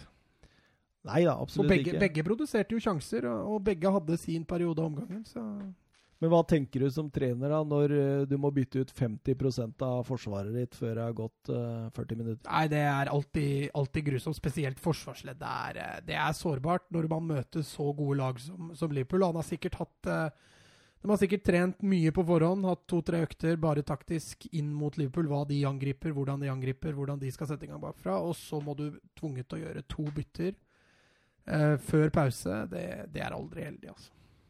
Både Abraham og William uh, er nære etter innlegg rett før pause, men man går til pause, og først og fremst så tenkte jeg ekstremt morsom kamp. ja, underholdende. For en nøytral tilskuer så er det gøy. To dødballer skiller laga, rett og slett. Ja. Liverpool har vært effektive og hadde nok litt tur i forkant av 2-0 der. ja, altså, men, men goalen til Arnold er eh, det, det, er ikke så mye Chelsea får gjort med det eh, når frisparket først er lagd. Eh, 2-0-goalen der, det er som jeg sa i stad, ekstremt dårlig markering i, i mm. Chelsea-forsvaret, og den er lett å gjøre noe med. Du ser liksom Firmino liksom, han kommer jo med sånn fart og får gå aleine opp. Ja, ja, ja, du ser når innlegget blir slått også, så er det to meter til nærmeste Chelsea-spiller. og det, det, er klart du blir knallhardt straffa. De prioriterte nok Matip og van Dijk å ta ut de to, men uh, Firmino er ikke noe dårlig hodespiller. altså. Nei. Eh, og når annen omgang settes i gang, så skaper Liverpool nok en gang trøbbel for Chelsea på dødball. Ja, jeg satt jo og tenkte litt at her må jo Chelsea bare fortsette med, med, å, med å, være aggressive og, og, prøve å ta Chelsea, Liverpool høyt i banen, men, men, det var Liverpool som fant rommene. Og for en fantastisk redning av Kepa på Firminos forsøk der. Ja, det var helt ah. fantastisk. Og igjen, altså, nok en gang fullstendig markeringssvikt på bakerste der. Og da tenkte jeg liksom at dette her kommer ikke til å bli spennende, tenkte jeg. Nå, nå kommer det til å rulle over. Og så og så øh, syns jeg Chelsea spiser seg inn. Mm, den, Skikkelig. Øh, men igjen, da, der er vi litt over igjen til, til, Mason Mount. For utover i andre omgang så ser du han trekker seg mer og mer inn i banen fordi mm. Alonso er veldig offensiv. Og det er for så vidt Aspilicueta òg, men, men, både Mount og, og, William trekker mye mer inn bak øh, Eller foran Abraham, blir det jo. da. Helt riktig. Uh, og det, det, er jo genialt i forhold til at de skaper overtall i midten. Uh, og så er de veldig sårbare på kontringer, men både Salah og Mané hadde jo ikke sin beste dag på jobben. Ja, og så kom det flere bilder der hvor jeg tenkte at Hei, dette er jo Lampard fra Derby-tida. Altså, Jeg brukte jo litt tid på å lese litt uh, meg opp på Lampards taktikk og se en del sånne Derby-kamper når Lampard blei, husker du det, mm. den tida, når han blei linka. Og, og, dette var helt likt det jeg så av de kampene. En 4-3-3 med en playmaker og kanter som varierer. Og defensivt ned i 4-4-2, hvor den nærmeste kanten går i press, og den lengste fra faller ned i midtbaneleddet. Mm. Akkurat samme type. Og du så jo alltid det, at hvis det var liksom på en måte ballen lå på høyre side, så var, det, så var det Mount som gikk opp og var med Abraham, mens eh, William trakk ned i midtbaneleddet, og vice versa. Eh, og Chelsea forsøker å drive opp tempoet i kampen, og Liverpool forsøker å trekke, eh, trekke tempoet ned. Ja, du så jo begynte tidlig å dele ut gule kort der, og dommeren Ja, for, han skjønte det der. For, for, men, men, det var også ganske fornuftig, fordi Liverpool droppa den drøyinga ganske kjapt. Eh, Arnold fikk et tidlig gult kort, eh, Adrian fikk en tidlig advarsel, og det samme gjorde Robertsen. Og, og Arnold fikk vel egentlig det gule kortet pga. Adrian? ja, nettopp. Eh, for han drøyde jo ikke noe sånn voldsomt. Eh, han sleit jo bare å finne noen å kaste til. Mm. Uh, og Jordan Henderson reagerte jo for så vidt også på det, men, men uh, det drøye greiene, det, det blei jo nesten borte med en gang. Stor sjanse til Chelsea i det 58. minutt. Uh, spiller ekstremt bra nå og presser Liverpool bakover på banen. Kommer til etter innlegg etter innlegg, og, og det er så vidt Abraham er på der fra fem meter. Og det blir corner som blir tatt raskt, og Kanté rett på skudd etterpå. Der har de, der, da begynner Liverpool å henge litt i tøylene. Ja, øh, den burde egentlig ha skåra der, Chelsea. Uh, to store, gode muligheter. Uh, og man begynner jo å merke litt at Chelsea faktisk kanskje begynner å få trua på det. Mm. Fordi den mentale innstillinga Chelsea har på det tidspunktet i kampen, tilsier jo at dette kan vi klare. Det var imponerende, faktisk. Mm, det var det. Å ligge under, ligge under, mot Liverpool og greie å, å omstille seg opp i huet, det, mot ett. Ja, og mot... føle litt dommeren mot seg, ja, og skader mot seg, og liksom Du så Lampard eh, nærmest, liksom. Men så, så, så du smilet på Lampard litt utover i annen omgang igjen, at det her responderer gutta. Mm. Og 70 eh, minutter der så skårer jo Kanté et mål jeg aldri har sett Kanté skåre noen gang. Nei, vi har jo lurt litt på hvorfor Kanté spiller indreløper. Eh, det tok eh, nest, over et år før vi ser hvorfor. For den goalen der, den, den, tror jeg Messi også hadde vært strålende fornøyd med. Ja, det var nydelig. ass. Kjøre slalåm mellom spillere, setter den i krysset på, liksom, på noen måte Altså, er det, er det i steget, eller? Ja, ja, ja, men du ser Altså, van Dijk han, jeg syns alltid han virker litt sånn nonsjalant. Mm. Eh, altså, han har liksom alltid kontroll, da. Mm. Eh, på en positiv måte. Altså, ja. Han er nonsjalant på en positiv måte. Det er sånn jeg sa til en Liverpool-kompis av meg her òg. Van Dijk han kan gå i en knallhard hodeduell, og så header han ballen ned til nærmeste Liverpool-spiller, liksom. Ja, ja, men det virker jo som han alltid har kontroll. Ja. Og også i den situasjonen der, så syns jeg han ser litt sånn nonsjalant ut. At uh, jeg tar når han kommer til meg, liksom. Ja. Men det rakk han ikke. Eh, Kanté fyrer av et skudd i steget, som du sier der, og, og den, den kan vi godt si er oppe i krysset, for den eh, Ja, fin, nydelig. Også den feiringa, da. Det er jo helt nydelig å se på hvordan han bare helt uaffekta jogger tilbake igjen til, eh, til plassen sin og venter på at avsparket skal tas. Men Kanté er fin. vet du. Han er, han er jo, han er jo sånn, han liker jo ikke hysteri rundt seg sjøl og sånt. ikke sant? Han er jo veldig sånn type. Beskjeden. Ja, veldig beskjeden type. Eh, liker ikke å juble så veldig mye, og det har han jo sagt sjøl. Eh, da tar eh, Klopp ut Mané. Ja, han ble kanskje skada. Setter inn på Milner. Og, og Det var ikke å sette inn på Riga, det var å sette inn på Milner. Så her tar Klopp nå Han tar klare valg. Mm. Mm. Uh, og det var jo ikke heller så voldsomt eh, Jeg kjenner meg litt igjen i et sånt valg. Uh, du føler du er litt bakpå. Du er nødt til å kanskje ha en kriger, en løper til, som bidrar. Nå syns jeg Mané gjorde en god defensiv jobb i den kampen. Mm. altså. Og han ville vel ikke miste noe sånt ved å sette inn på Origi, som er klart svakere defensivt enn enn, eh, Milner og Mané. Mm. Så jeg tror Klopp gjorde et uh, godt taktisk ja, bytte Ja, absolutt. Men det, det er jo et verktøy vi sjelden har sett Klopp bruke. Ja, da Det var jo litt i Champions League-finalen Ja. som vi snakka om. Men det er litt tilbake til det du sa, da, at Liverpool kom i veldig kjent stil, men avslutta i litt sånn ukjent, ukjent, uh, ukjent stil. Ja, det er, er dette noe vi kommer til å se mer og mer fra Klopp framover, tror du? I slike kamper så kan det godt hende han tyr til det. Nå har han jo mm. spilleren, spilleren ned til å, til å gjøre det, så det kan godt hende han, han bruker det verktøyet når han har det. Litt færre Liverpool-fans i løpet av året får hjerteinfarkt òg. Ja, altså På 1-2 til Chelsea der, altså det, det var spennende, det. altså. Det var det. Ikke, det var ingenting som tilsa at det der skulle ebbe ut med 1-2. Nei da, Chelsea kjørte på, kjørte på. 87. minutt får de en kjempekjanse. Bachuai på innlegg fra Alonso der står helt alene. Eh, hva stopperduoen til Liverpool gjorde der? Det kan du lure på.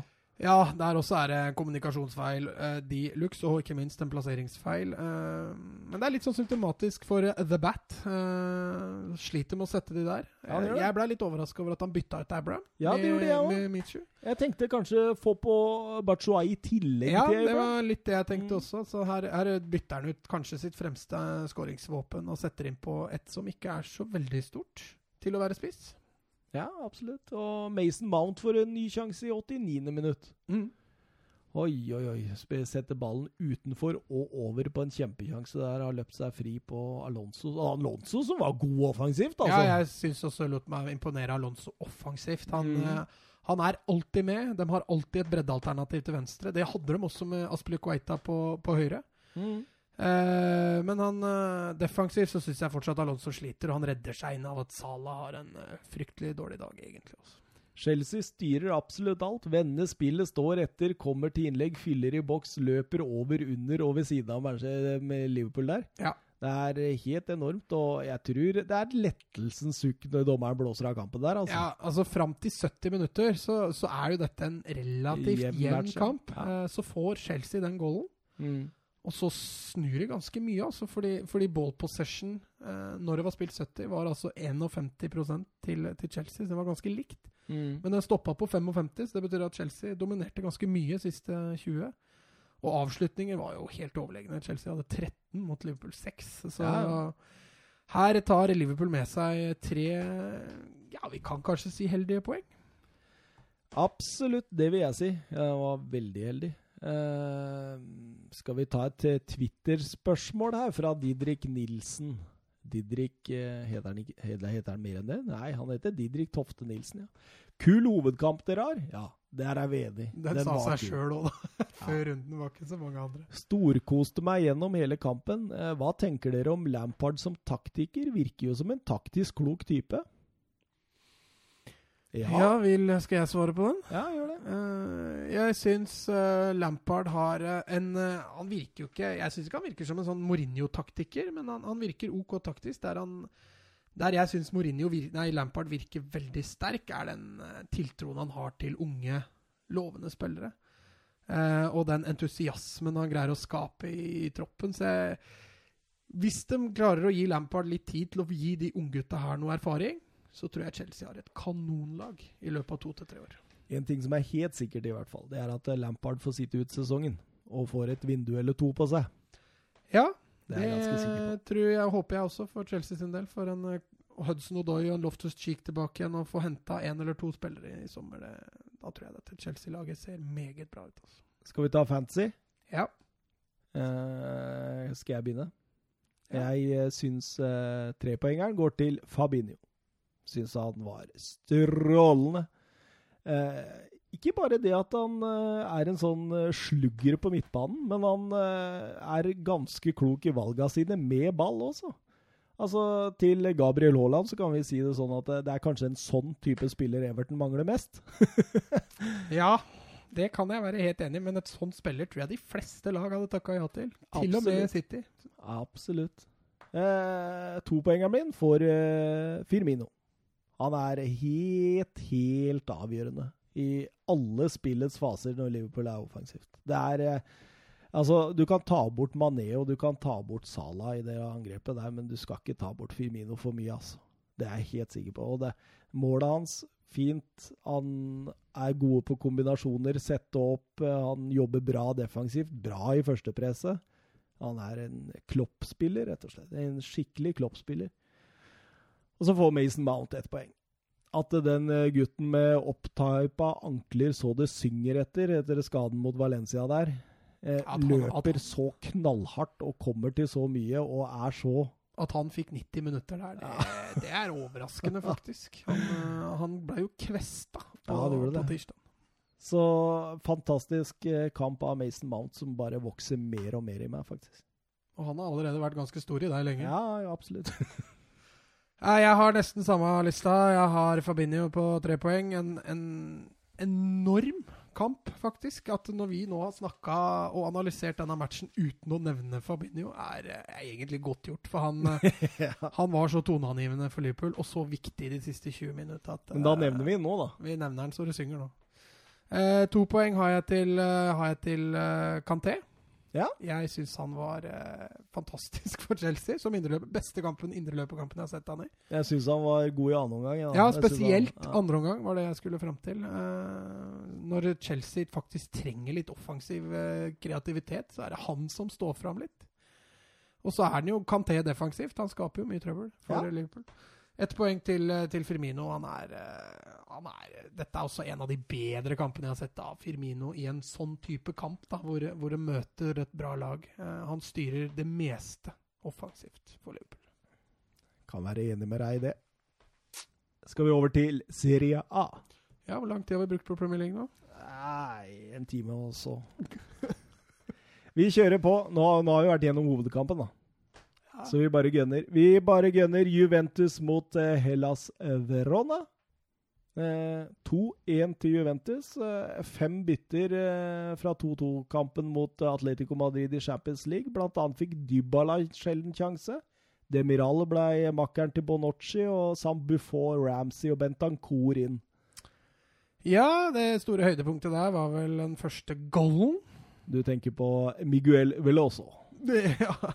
Oh. Han, uh, Han, nevnte vi i forrige podkast-episode, vet du. Gjorde vi det? Ja, Vi snakka jo om at han var uh, hadde samme moderklubb som Umbaro Embalo. Oh, ja, ja, han, uh, Men jeg husker han fra FM-tida. Han var et kjempetalent på, på FM. Mm.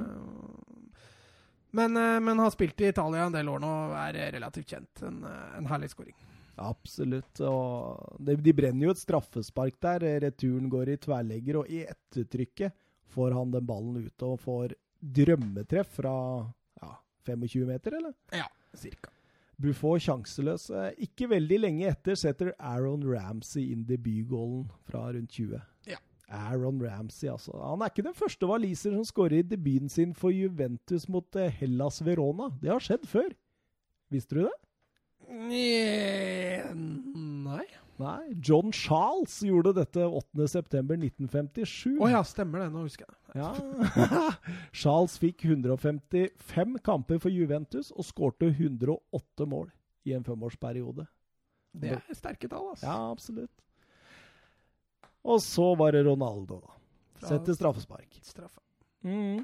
Uh, og etter dette så har jo Juventus Altså, det var litt shaky i første omgang. Ja, jeg lot meg ikke imponere av Juventus i første omgang spesielt. Uh, når de tar ledelsen, så virker de litt mer trygge. Ja, det synes jeg. Men, eh, men eh, hvis du ser på konkurrentene til Juventus, som de har både foran og bak seg på tabellen, så syns jeg dette ser litt mer eh, sketchy ut enn det det burde gjøre på en hjemmebane. Men jeg har sagt det hele året, at det er Inter som tar skudettoen. Ja, nei, jeg skal ikke Jeg har latt meg imponere mer av Inter, jeg også. Men jeg, det er litt tidlig å avskrive Juventus.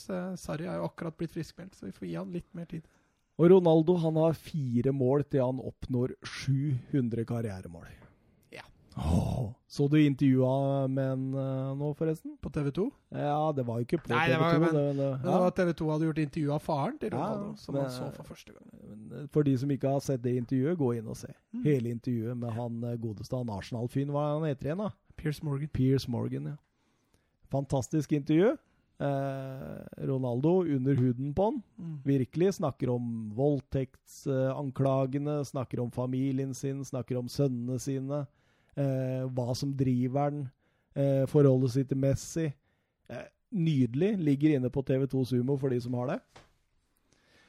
Eh, Juventus altså drar jo da i land en grei 2-1-seier etter en altså De imponerer ikke voldsomt, men uh, hadde jo også en, spart litt spillere. Det er en fortjent seier, og en, kanskje en kalkulert, uh, kalkulert, seier, hvis man kan si det på den måten. At uh, de sparte litt spillere i den kampen der for nettopp at de, de trodde det. Og så skal det også nevnes at uh, Kumbala fikk uh, rødt kort uh, På slutten der, ja. Med fire minutter på overtid. Stemmer det, stemmer det.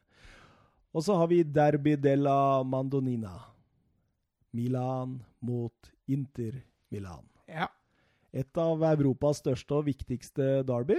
Eh, Inter Milan eh, sannsynligvis veldig opptatt av å reise i kjerringa, eller snu kjerringa, som Jamtsal sa, etter 1-1 mot Slavia Praha i Champions League. Mm. Eh, og det klarte Contes menn. Ja, eh, det tok riktignok eh, litt over en omgang før det løsna, men eh, nei, som jeg har sagt, Inter ser Ja, jeg syns de ser solide ut, altså. Ja, absolutt. Ett baklengsmål så langt i sesongen. Det... Relativt jevn kamp. Eh, bare det at Inter så litt farligere ut enn eh, Milan, eh, særlig i første omgang der. 0-0, ikke så veldig mye å prate om. Tidlig i annen omgang slår Sensi et kort frispark til Brozovic på kanten av 16, som skyter den i direkte. går innom en Milan-spiller på veien og setter Donnarumma helt ut av spill. Ja, der også måtte jo VAR inn. De blåste jo først offside, og så Viste det seg at Inter-spilleren ikke var påvirka i spillet i det hele tatt. Da, Martinez, da, ja. Hæ? Ja, Lautiro Martinez. Ja, ja, ja. Da, mm. da ble det godkjent goal eh, korrekt, spør du meg. Brozovic sitt andre for sesongen. Um, han også har vært bra, altså. Bra. Han er bra, altså. Passer fint inn i det kontoopplegget der. Altså. Og tolv minutter før slutt så finner Barella Lukaku med et innlegg, og belgierne gjør 2-0 med et hodestøt. Sitt tredje på fire kamper. Mm. Det starta bra, han. Skåret mer mål enn uh, spissen i Manchester United. Ja da. uh, har fått mer spilletid òg enn spissen i Manchester United. Synes, altså, fortjent seier. Jeg syns Milan virka tafatt. Altså, de virka ja. slurvete i presspillet over hele linja. Virka litt uinspirerte. Litt, I Derby, liksom. Det er litt tynt, uh, syns jeg også. Uh, og det ser man også på, på tabellen. At uh, det Milan har prestert så langt i år, det, det holder rett og slett ikke. To seire, to uavgjort. Og de to seirene de har hatt, det har vært mot middelhavsfarere. Og med en gang de møter et topplag på hjemmebane, skal det sies at, Inter, også, at, det også er Inter sin hjemmebane. Men, men uh, det bør ose litt mer altså, når du spiller i et byderby som er så stort som det der. Ja, man, man så at uh, Gianpaolo han stilte en sånn trang 4-3-1-2 for å demme opp for midtbanen til Inter, men uh, Brosevic, Sensi og Barella de la igjen så ekstremt mange meter og ville så mye mer enn midtbanen til AC Milan at det Ja, så er beste kampen til Barella, syns jeg i hvert fall, i, ja. i Interdrakta. Eh, han gjør ikke noe sånn fantastisk kamp, Nei, da, men, men han er ganske solid. Og som du sier, han løper voldsomt mye. og han og Sensi på indreløperrollene. Hvis du gir Barella bare litt tid, så tror jeg det der kan bli, eh, kan bli knallbra. meget god sentrallinje. Altså, så har du stoppera der med De Vry og, og Skrinjar og Godin. Det er, det er murbrekkere, altså og han Danovic bak som er safe. Det er, det, det er et veldig bra lag. Mm. Og dette kan det, gå langt. Men mine øyne, han mangler litt på de wingbackene. At han, han, finner de ekstremt gode wingbackene han hadde i Juventus mm. og, og, til dels i Chelsea. Så har han det offensive med Martinez, Lukaku og Alexis Sanchez. Så Nei, det ser ut som Conte har begynt på noe, begynt på noe meget interessant. Fire seire på fire mulige Serie A og tabelltopp. Ja, dette mot Milan var vel kanskje det beste resultatet sånn med tanke på motstanderen så langt i sesongen. og Mm. De hadde jo et ordentlig feilskjær i Champions League i midtuka, så de var vel litt interessert i å rette opp i det. Snu kjerringa som iallfall sa. Ja. Bologna mot uh, Roma. 1-2.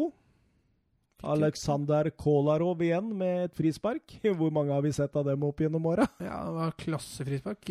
Keeperen gadd ikke engang å begynne å slenge seg, så da skjønner du at han var et stykke unna. Mm. Nicolas Hansone 1-1 på straffespark, og Edin Sjeko setter 1-2 fire minutter på overtid. Ja, altså overtidsskåringer er jo alltid deilig, men eh, på det tidspunktet spilte jo Roma med én mann mindre, så det var nok litt ekstra deilig for, eh, for eh, både Tsjekko og Roma når den gikk Ja, i mål. Ja, Manzini fikk rødt, han, ja.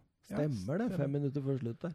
Så Roma, de, de, det var nok litt forløsende, og de har jo da også lagt seg på en finfin fjerdeplass nå i Men dette serien. her er en sterk seier av Roma, for Bologna har vært gode i år. Ja, ja, og spesielt sammen med han, han Ricardo Orselini har vært fantastisk. Som vi også har nevnt tidligere, så, Mm. så var dette en de over, jo- litt overraskende, men solid Ja. seier. Altså. De lå over Roma på tabellen før, Mm. før eh, Og når de i tillegg fikk, eh, fikk det røde før slutt der, så tenkte man jo at dette blir en forsvarskamp de siste minutta for Roma. Det blei det jo for så vidt òg, men, Ja. men uh, skåringa til Dzeko redda tre sterke poeng. altså. ja, Jeg syns han Lorenzo Pellegrini begynner å vokse opp som en av de heiteste nå, altså. Mm. Fantastisk, altså. Hadde jo assisten på Altså Pellegrini og Zaniolo, der har Roma noe meget solid på gang. altså. Det er ikke så lenge siden vi dømte litt Roma nord og ned, men det, det virker som det begynner å ta litt fatt igjen. At han Fonseca har jeg, skulle- Jeg skulle se på tabelltipset, ja, men da kom jeg på at det, har vi jo ikke for det Italia. Ikke, det kom vi ikke så langt. Men jeg husker eh, sånn, særlig i starten av sesongen, at det var litt sånn Ja, de kvitta seg jo med et par spillere der som var litt overraskende, og, og sånne ting. Og henta inn Chris Smalling og litt sånn ymse. Men uh, de har fått en, uh, fått en uh, grei start på, på Serie A med fjerdeplass og to seire og to uavgjort. De er ett av tre lag, faktisk, som ikke har tapt ennå. Ja. ja. Men det må de være fornøyd med. Mm. Lecce mot eh, Napoli. Angelottis Napoli, god form, syns jeg. Ja, jeg eh, sa jo før sendinga her at uh, spurte deg jo om du angra litt på Jorente, for han ser ut som han er 20 år nå. Jeg kan ikke angre Nei, du meg, kan jo ikke angre, men syns det er litt bittert da, at han nå bøtter inn mål for, eh, for Ja, Napoli. han ville, ville sitte på benken uansett Kane og Sone ligger. Han ville jo bli i. Tottenham. Ja, han ville det. Han ville det. Det er helt Og nå riktig. skårte han i Champions League i midtuka, så starter han i dag og setter to kasser. Han sa jo det at han skulle skåre mot Liverpool i Champions League for å ta hevn for Champions League-finalen. Mm. Så det var eh, Han er veldig godt likt type, tror jeg. Ja. Innad i miljøa og sånt. Så eh, fint at han uh, har satt i gang. Skårer 0-1 der. Uh, Insigne 0-2 og Fabian 0-3. Uh, Men det er også igjen på det der straffegreiene. At det praktiseres så ulikt. mm. For der går keeperen litt ut fra streken. Straffa ta, han bommer. Straffa tas om igjen, han skårer. Men dette har vi jo sett nå flere eksempler på. At keepera tar det steget ut. Eller at en spiller går inn i 16-meteren. Eh, Mm. noen ganger blåser dommerne, andre Mm. ganger ikke. Og der mener jeg nå at de, de, må, de må bare forholde seg til reglene og så blåse hver gang for Ja, å absolutt. unngå dette. Ja, det er jeg helt enig med deg. Det burde ikke være så vanskelig. Nei, det burde egentlig ikke det i det hele tatt. Var, det, det var vel nå i Champions League. Det, jo, det var Barcelona-Dortmund. Ja. Eh, hvor, hvor Ter Stegen altså nesten er en meter ute fra streken. Det er tre Barcelona-spillere inni 16-meteren når skuddet går.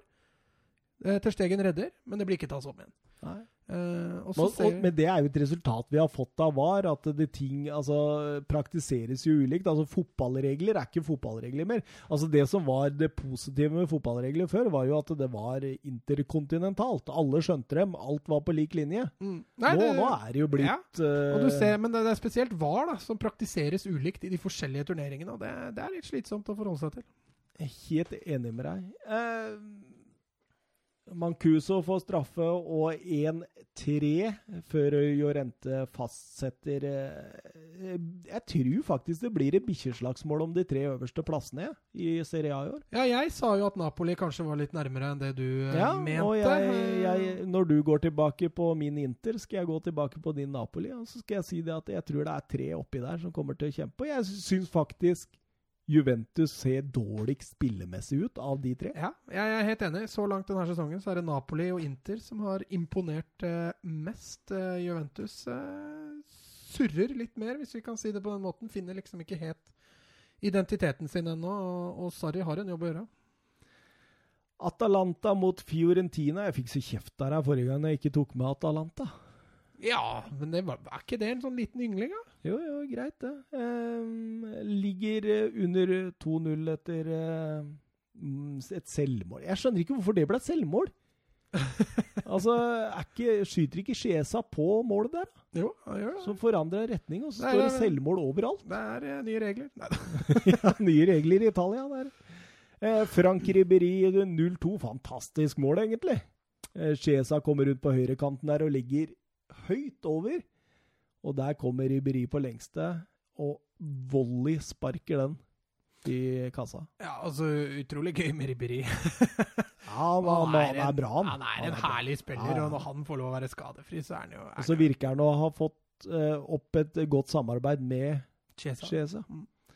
Eh, men i Fiorentina-stil så roter de det til. Da. De holder jo på å rote det skikkelig til òg, fordi Josep Ilicic han skårer 1-2 seks minutter før slutt. Eh, og så har de en annullert av VAR, Martin de Ron der, som kommer og slår ballen inn med handa. Men eh, hadde det ikke vært VAR, så hadde det stått 2-2. Eh, det gjorde det der så ikke et lettelsens sukk i Fiorentina, før Kastanji kommer fem minutter før slutt. Og Fiorentina Altså, Vi har jo snakka litt om Fiorentina, Mats. At eh, vi tror at dette er et lag som kryper litt oppover på tabellen. Og de ser jo bedre ut enn det de gjorde i fjor. Ja, og så, og så syns jeg de har spilt bedre enn de to poengene de har fått i år. Jeg syns de har fått litt dårlig betalt. Men når det er sagt, at Atalanta får med seg poeng i den kampen her, det er fullt fortjent. Ja da, altså. For eh, totalt sett så var Atalanta det, det Beste beste, laget. Og de hadde, de hadde klart mest ball, de hadde klart flest avslutninger. De, det var de som presterte mest. Eh, Fiorentina ble jo riktignok veldig baktunge på slutten, men, eh, men eh, jeg syns Fiorentina har fått litt dårlig betalt denne sesongen så langt, sånn som du påpeker. Så var det rasisme igjen, da. Få det bort. Dalbert på lån fra Juventus fikk rasistiske sanger av seg fra Atalanta-fansen, og nå Ja, vi kjefta jo på Cagliari-fansen sist, så nå viste det seg at dette Atalanta-greiene var ikke mye bedre. Nå er Giovanni Infantino, eh, Fifa-presidenten, ute også og sier ifra at nå må klubbene i Italia straffes hardere Mm. for dette her greiene her. Og trekker fram England som et foregangsland for å få bort denne rasismen i, på, fra tribunene. Ja, så dette rasisme De trua faktisk med å avbryte kampen der nå. Mm. Ja, så det er jo, en, det er et virkemiddel å, å ta i bruk. eh. Det jeg syns det er veldig veldig trist, veldig veldig synd, og det er tegn på at det er mennesker som, som rett og slett er litt dumme, som sitter på tribunen. Altså De er rett og slett ikke smarte nok til å kunne Ja, jeg, jeg tror det var litt av Infantinos eh, at Det han sa òg. At uh, det handler litt om education og, Ja, litt sånn. Litt sånn utdanning. Ja. At det sitter lavtlønna tullinger på tribunen der som ikke Så hør det, alle sammen. Er du rasistisk, så er du dummere. ja, Ta utdannelse. Ta utdannelse. La Liga, eller? Ja. Atletico Madrid mot Celta Vigo. En dørgende kjedelig kamp på Wanda Metropolitana. Hva er det Ah, Atletico driver med der, da? Altså, Celta fikk jo selvfølgelig kampen akkurat dit de ville, men eh, det her er et lite Det så det litt sist også for Atletico Madrid, at når det ikke fungerer offensivt, så har de ikke så veldig mye strengere å spille på, og, et Celta-lag som kom godt forberedt, de eh, de fikk det akkurat dit de ville. Atletico Madrid har fått, eh, etter en god start, fått en dårlig fortsettelse. Ja, altså, De eneste som får godkjent omtrent fra min side der, det er bekkene Trippier og Lodi. De syns jeg var strålende. Og de har vært gode hele sesongen. Mm. Eh, Jeg syns det offensive i, i Atletico Madrid halter veldig. Og Felix ujevn, altså. ja, veldig. Ja. Det skal bli godt å få tilbake Morata. Og Costa han har vel ikke hatt et skudd Han har ikke hatt et skudd på målet i La Liga enda? Nei, men han jobber jo og sliter mye, da. Men det er jo i Simiones stil. Men uh, det er klart, når Felix Joao ikke presterer uh, over, og jevnere enn det han gjør Da trenger de en spiss altså, som kan uh, løsne opp litt dette. For du kan jo ikke vinne alle kamper inne på dødballer heller. Men de har jo spisser til 2,5 million eh, milliard omtrent framme der, så noe burde jo skje.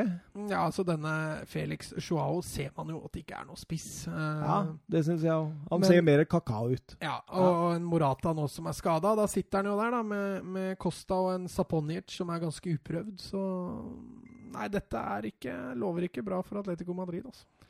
Eh, talking point eh, fra denne kampen, i og med at han var dørgende kjedelig. Det må jo være at eh, Aido der skaller med Costa og blir liggende mer eller mindre bevisstløs, og dommeren bryr seg mer om å gi kort til Aspas der.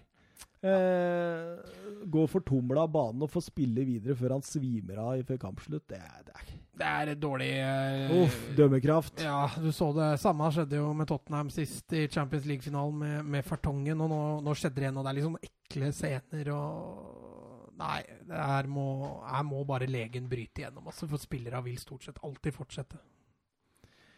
Over til Granada-Barcelona. Den har du gleda deg til å snakke om, Mats? Ja, like mye som du gleder deg til Tottenham-Lester, tenker jeg. ja. Ramón Aces 1-0 etter ett minutt. Altså, altså Granada går jo ut i et fryktelig høyt uh, tempo og høyt, uh, høyt press. Uh, mm. Barcelona blir tatt litt på senga. Firpo kløner i sikringa ja, der. Jeg utpekte jo det før uh, sending, at uh, Firpo hadde en forferdelig startdebut i Barcelona. Han gjør masse feil, uh, både defensivt og offensivt. Og han blir jo bytta, ofra til pause der, men nei, Granada fikk kampen veldig inn i sitt spor, altså, det, med den tidlige skåringa. Ja, det er liksom følgefeil på følgefeil i, i defensivt til Barcelona der. Ja. Og når han godeste Puertas, som var veldig bra i den kampen der, eh, får eh, ballen på Piquet og lobber elegant over Terstegen, og der kom Ases og sikra ballen inn med hodet. Ja. Fin skåring. Ja, absolutt. Eh, Barcelona utrolig tafatte. Førsteomgangen var Den var dørg. Og det var langt unna der Barcelona skal være. Og det har vært symptomatisk. Vi så det mot bortekampen mot Bilbao. Vi så det første gangen borte mot Osasuna. Vi, vi, så det igjen nå. Vi så det for så vidt også andre gangen mot Dortmund. At det er litt, det er litt avventende og litt reservert Barcelona-lag vi ser på bortebane i år. Altså. Så så stor forskjell fra kamp nå til bortebane? Ja, det er Jeg eh, skulle nesten ikke tro at det gikk an, men det er eh, plutselig veldig mye mer selvtillit når de spiller på Camp Nou, og det sprudler mye mer av Barcelona da. Eh, så litt rart at de reserverer seg så mye når de skal ut og spille. Valverde kaster inn Fati og Messi i pausa for Perez og Rakitic, uten at det hjelper nevneverdig, syns jeg. Synes, uh, selv om ja, altså, du, du får er, litt er, mer kombinasjonsspill. Ja, og det er Messi og Fati som er de beste etter at de kommer inn. Ja, og Suárez fortsetter å være anonym, syns jeg. Han, uh, han, bidrar svært lite. To skudd på mål hadde de i løpet av kampen, Mats. Ja. To skudd. Det, det, er skuffende. Eh, det beste Suárez gjør der, er vel det overhoppet før Messi avslutter der. Men uh, ellers så er det Det er ganske tynt offensivt. Og, og det ryktene sier jo at Messi hadde en ordentlig shoutout, holdt jeg på å si, en ordentlig rant i spilletunnelen etter kampen om at uh, dette er for dårlig, og vi må, vi må skjerpe oss. Og det, det, tror jeg de fleste så kampen uh, også syns. Fortjent når Granada går opp i 2-0 der. Vidal henser, VAR må inn, og det blir straffespark som Vadio ekspederer i mål. og Sitter Valverde ut sesongen? Nei, Hvis dette fortsetter, så gjør det nok ikke det. Men som jeg sa tidligere i sendinga, så Så har Bartomeu litt kjærlighet til Valverde, tror jeg. Og han har en del av spillere i ryggen. Så får vi se hvor lenge det varer. Og så er det ikke veldig barcelonask å sparke en trener midt i sesongen. Nei, men uh, dette har jeg også sagt, uh, sagt en stund. At spillestilen til Valverde er ikke veldig barcelonask heller. Nei. Eh, jeg har freda han litt fordi han har ikke hatt spillertypene til å spille Tiki Taka-fotball. Og, uh, og, derfor så, så, kan man heller ikke forvente det. Men, men når det er så langt unna uh, Barcelonas identitet som det de har vist på bortebane i år, så, så, må man jo begynne å lure litt på om det er rett mann. The Guardians uh, Sid Love, som følger Barcelona veldig tett, han sier ærlig talt jeg sliter med å huske en så dårlig Barcelona-performance noen gang. Ja, jeg tror kanskje vi må tilbake igjen til når de ble ydmyka av Bayern München i 2014. Eh, for det, det de viste mot Granada Hadde de møtt Dortmund med samme innstilling som de hadde i den kampen der, så tror jeg det hadde blitt dritstygt. Da kunne det fort ha blitt både fem og seks. Så eh, det sitter nok en del mentalt også for, eh, for Barcelona. Tapt eh, tre borte nå, to mot uh, nyopprykka lag. Eh, alle presser høyt og intensivt. Akkurat som om Liverpool eh, skrev en oppskrift som andre lag følger.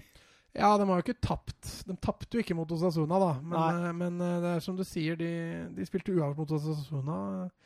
Tapte mot Granada og Bilbao. Og Stemmer, stemmer. spilte uavgjort mot Dortmund. Så de har starta svært dårlig på bortebane i år. Så der, der må noe skje. og det er du så jo Messi komme inn i andre omgang uten at det forandra resultatet. og Selv om jeg mener at det, det skapte litt mer offensivt for Barcelona, så, så er det mer enn bare Messi som må til for å snu dette. altså.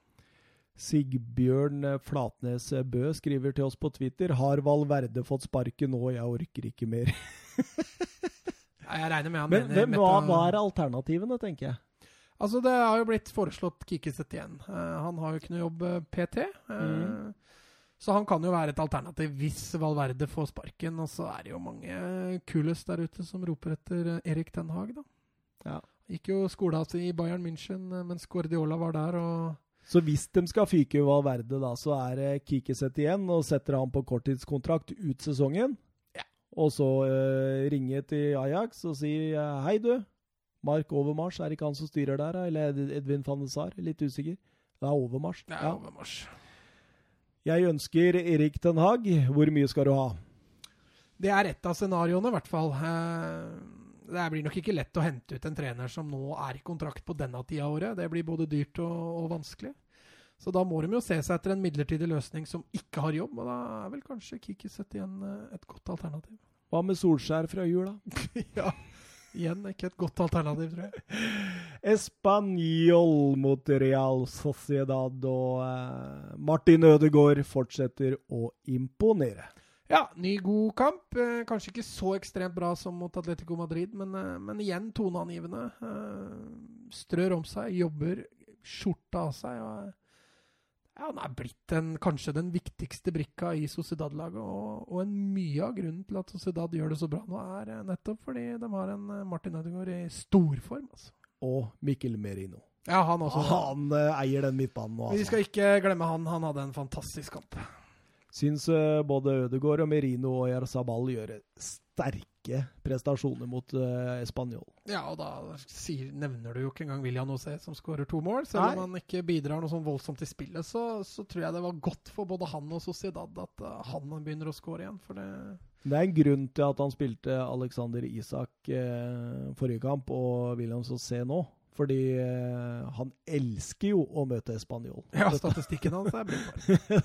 Det er vel sjette målet hans mot Español på 15 eller noe sånt, så det er ganske vilt. Eh, Klasseforskjell mellom laga, selv om Español får et lite halmstrå av håp på slutten. Eh, punkterer Isak det to minutter seinere der. Eh, solid av Sociedad, som seg, legger seg sånn helt i toppen av ligaen nå. Ja, altså Det er jo ett poeng da som skiller eh, første- og sjetteplassen. Eh, og så må du ned til tre poeng, da som skiller ned til Barcelona, da som er eh, er litt lenger ned. Du har kanskje et Betis-lag som har fortsatt å skuffe en del, men, men ja, det er ekstremt jevnt i toppen av, av La Liga nå. Vi har Real Sociedad på åttendeplass. Det er, ja, ja, du veit jo aldri. Nei da, det kan jo selvfølgelig, men det, men det Sociedad har vist nå til sesongen, det har vært, det har vært meget imponerende. Altså. Sammen med Atletic Bilbao så er det de to som imponerer kanskje mest. Valencia Leganes. Trist. ja, det Altså, når du, men når du setter i gang altså det, det var det samme jeg så av Valencia i fjor. Når, du- når Coquelin og Kong Dombia spiller sammen på den midtbanen, det er et eller annet som skjer i det laget som tilsier null kreativitet og alt på Daniel Perejo. For Mm. å stoppe han da, så har du gjort det. Mm. Altså, Leganes eh, hadde de ikke null poeng før uh, denne runden? Nei, de hadde ikke null. Uh, jo, det hadde de faktisk. Det er helt riktig. De tok sitt aller første poeng. Jeg trodde de hadde en uavgjort, men uh, det hadde de ikke. Og nå har jo Petter Lim fyra en sportsdirektør òg, hørte jeg. Alemeni Ja, men nå er også Alemeni eh, Nå ryktes det at han Nei, drar Nå snart. er han også ferdig, ryktes det, så det Nei, det er fryktelig trist, det som skjer i Valencia nå. Eh, de fikk en opptur, riktignok, mot eh, Chelsea, som sagt, men tilbake igjen på uvanesporet nå. De, begynner det virkelig å bli kaos der. Nå var det supportere som ble kasta ut av Mestalla fordi de hadde Peter Lim eh, antibannere. Ja. Og, Og det så også det var, det var overraskende glissent på Mestaya i den kampen. her. Nå var ikke Leganes noe publikumsmagnet, men, eh, Nei. men det er vel også et tegn på at uh, supporterne begynner å bli rimelig lei. Hvor hadde vi Leganes, uh, Mats? Jeg ville jo ha de lavere. Jeg husker det svært godt. Ja. Ville du det, eller? Ja, Den, den skal jeg høre på. For altså. du, du eh, var så fornøyd med Pellegrini det kan fortsatt gå. Det kan fortsatt gå. kan fortsatt snu.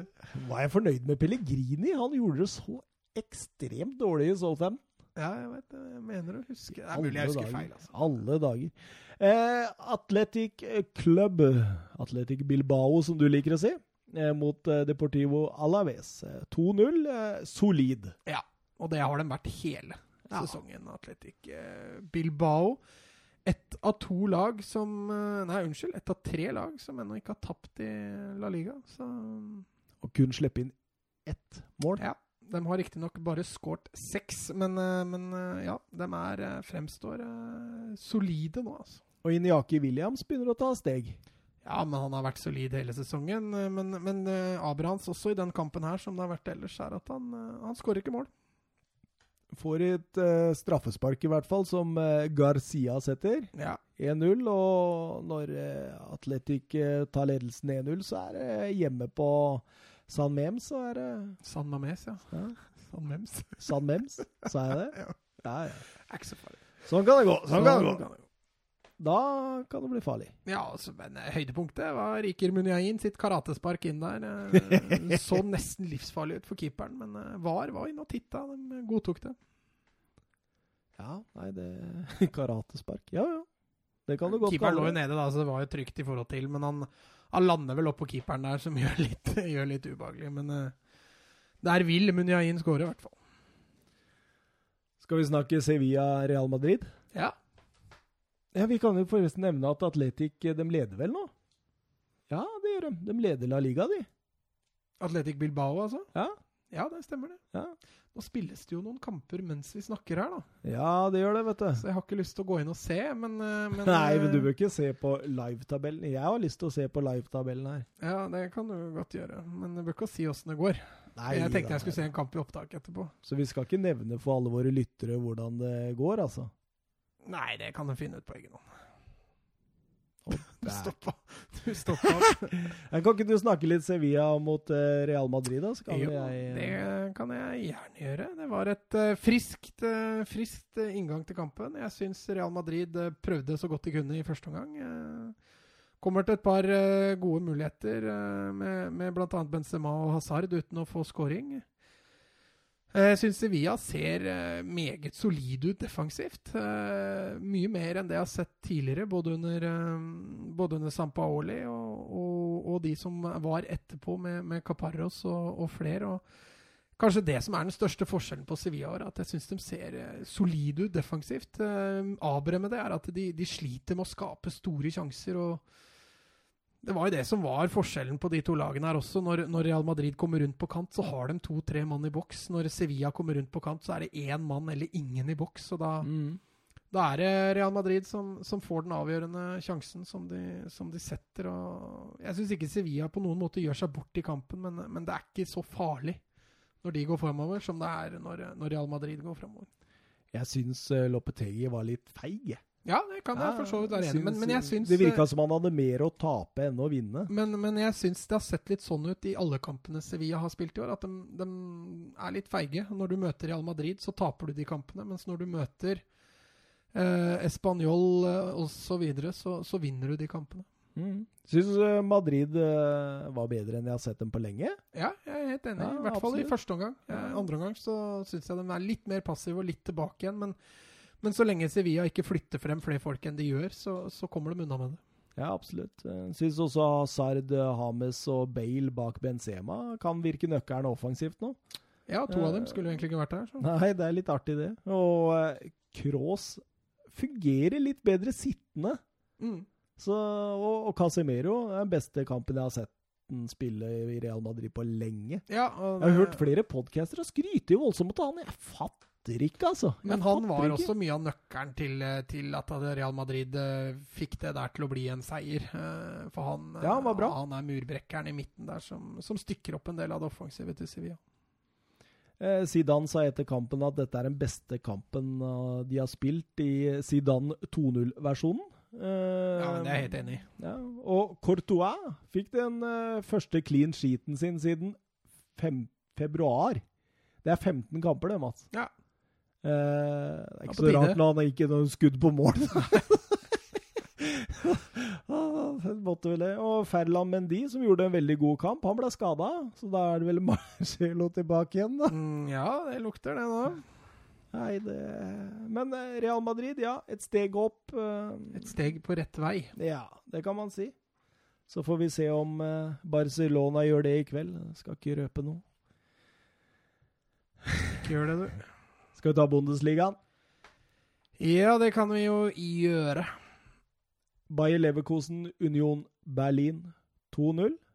Eh, Kevin Vollan, som jeg har jo utnevnt som en av Europas mest ineffektive spisser. Han, eh, Han fortsetter å skåre, han. han skårte Han skårte etter 20 minutter, og fem minutter etterpå var det Lucas Alero med sin eh, første for sesongen. Et godt skudd utafor 16 der. Union. Svært lite å komme med denne gangen. Ja, det var renveiskjøring, egentlig, hele matchen. Eh, nevner også at Union spilte jo med en mann mindre eh, halve andre omgang, så den, eh, den seieren der var egentlig aldri trua.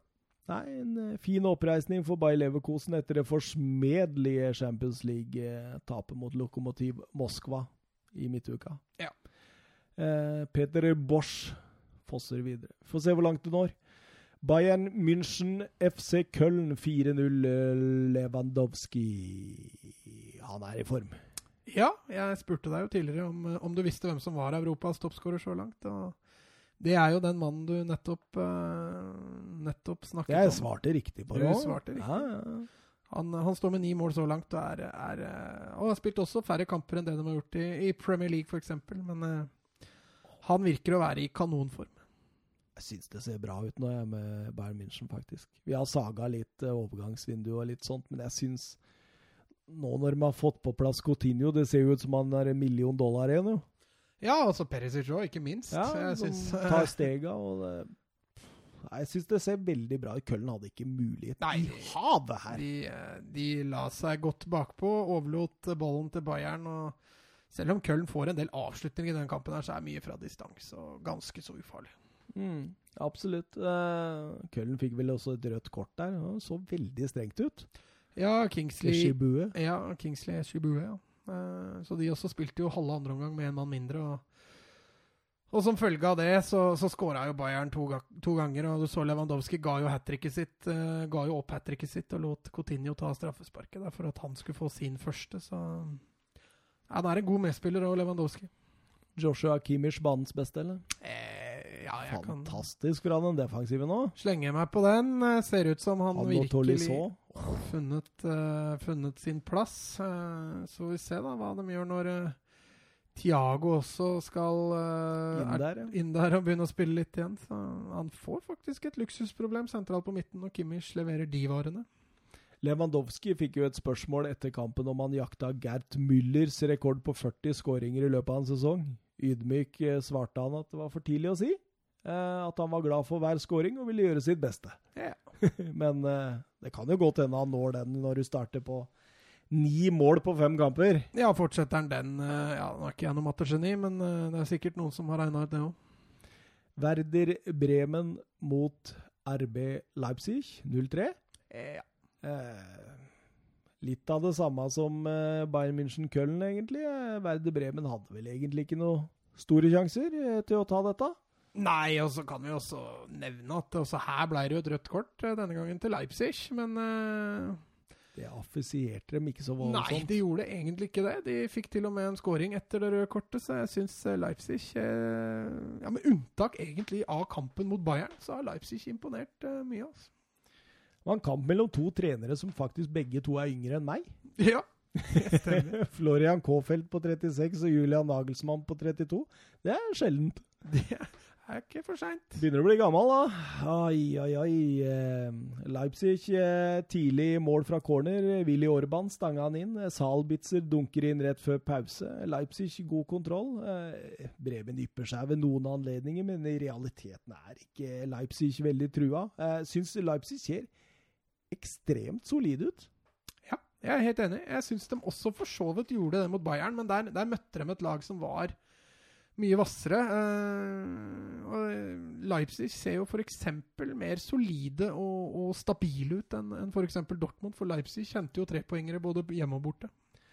Og vi fikk et spørsmål fra Jonathan Hobber. Eh, ser ikke RB Leipzig sinnssykt solide ut, mens Dortmund noe ustabil ut? Det var det du Jeg har jo faktisk ikke sett lyttespørsmål engang, så det var Du har vel allerede svart på det. Er, er det Plensport Leipzig? Han drar den. Som eh, kommer til å følge Bayern München til døra. Ja, etter, hvis vi skal gi fasit etter fem runder, så er det jo det. Uh, men jeg tror, jeg tror, også Dortmund uh, ikke kommer til å gi slipp på det. Nå er det jo de tre som topper Bundesliga, så jeg tror det er de tre det står mellom uansett. Borussia München Gladbach Fortuna Düsseldorf 2-1.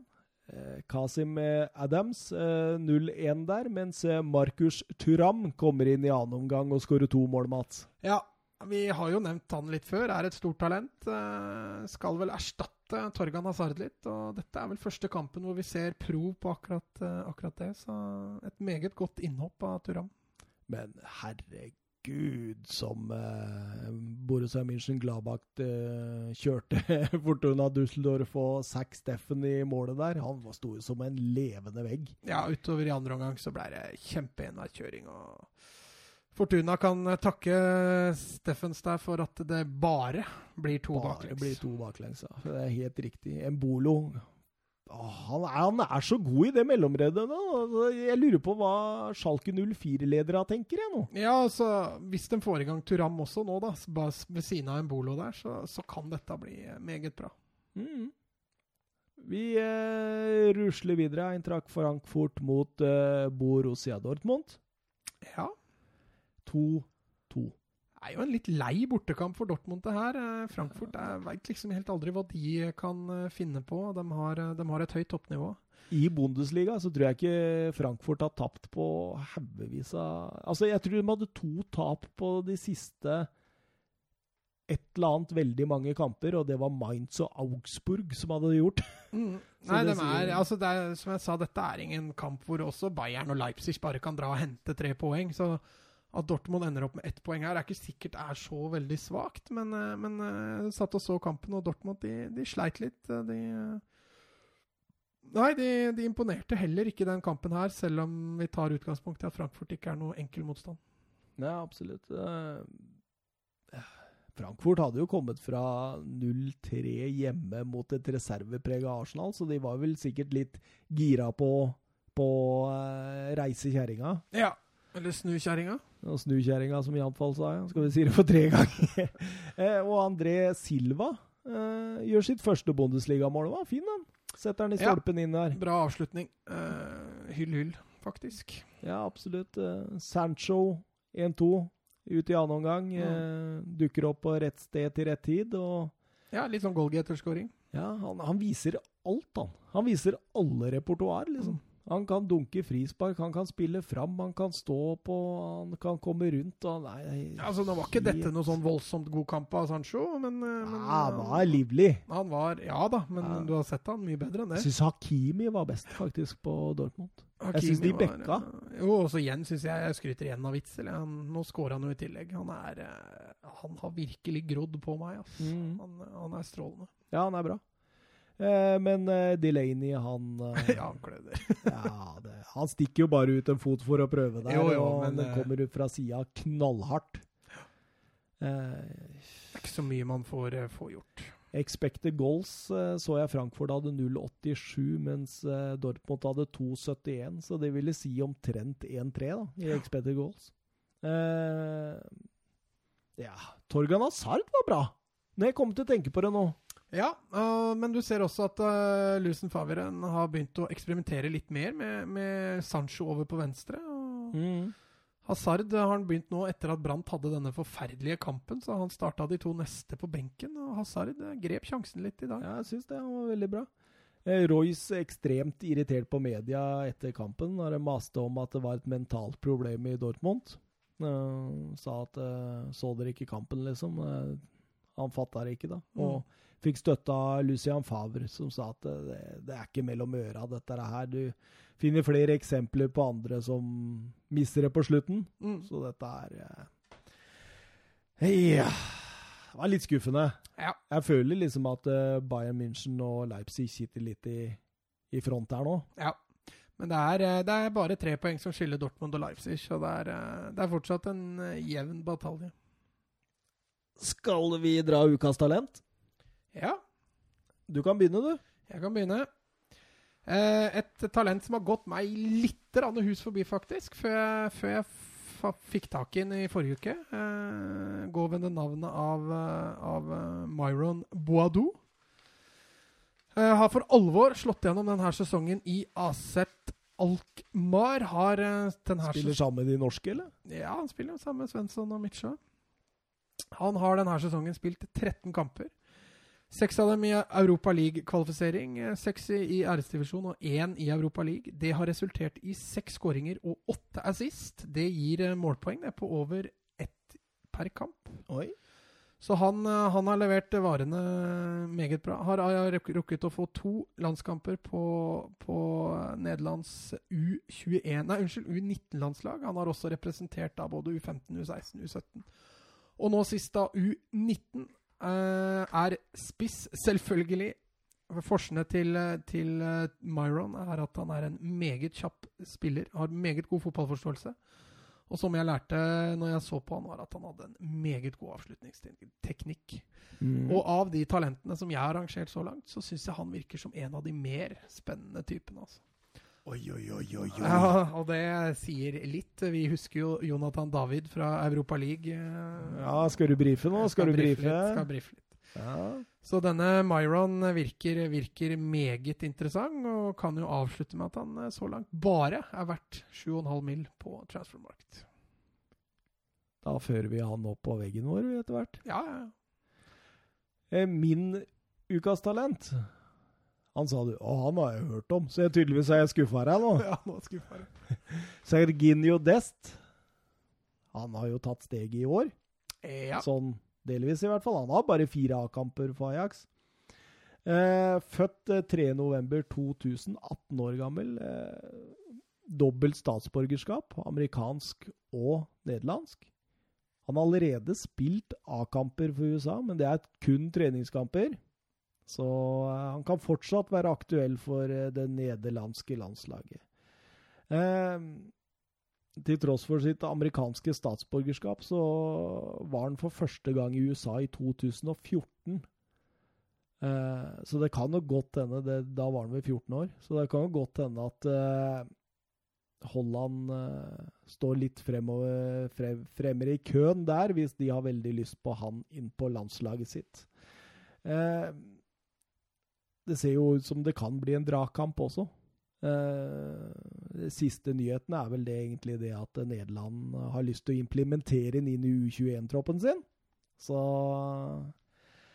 vi får se, vi får se. Eh, han eh, starta karrieren sin i Almere City FC. Eh, som tolvåring gikk han til Ajax-akademiet og har utvikla seg der. Kan spille både høyre- og venstreback, men er fortrinnsvis høyreback. Eh, Eh, spilte hele sesongen i fjorårssesongen i U21 Ajax sin eh, stall, og ble tatt opp denne sesongen og har gjort eh, plassen allerede til sin, altså den høyre bekken. Han Har vært helt strålende. Han har vært nydelig, faktisk. Ja, ja. Offensiv, rask, eh, posisjonssterk. Eh, eh, ikke helt ulik Daniel Alves, faktisk. En litt sånn ny Daniel Alves, skal vi kalle han det. Ja, jeg er helt enig. Ja. Han er meget offensiv og god med ball, ikke minst. Ja, helt klart. Eh, vi, vi, vi, ditt talent, Mats. Hvis du skulle sagt en ny, hva ville du sagt om han? Om Myron Ja. oh, den, er ikke, den er ikke så lett, faktisk. For det, han er eh, Ja, altså, Det blir jo en litt hurtig bakromspiss, da, men, men altså kanskje Ny Mike Michael Owen? Ja, kanskje. Uh, ville vel kanskje sagt det. Ja.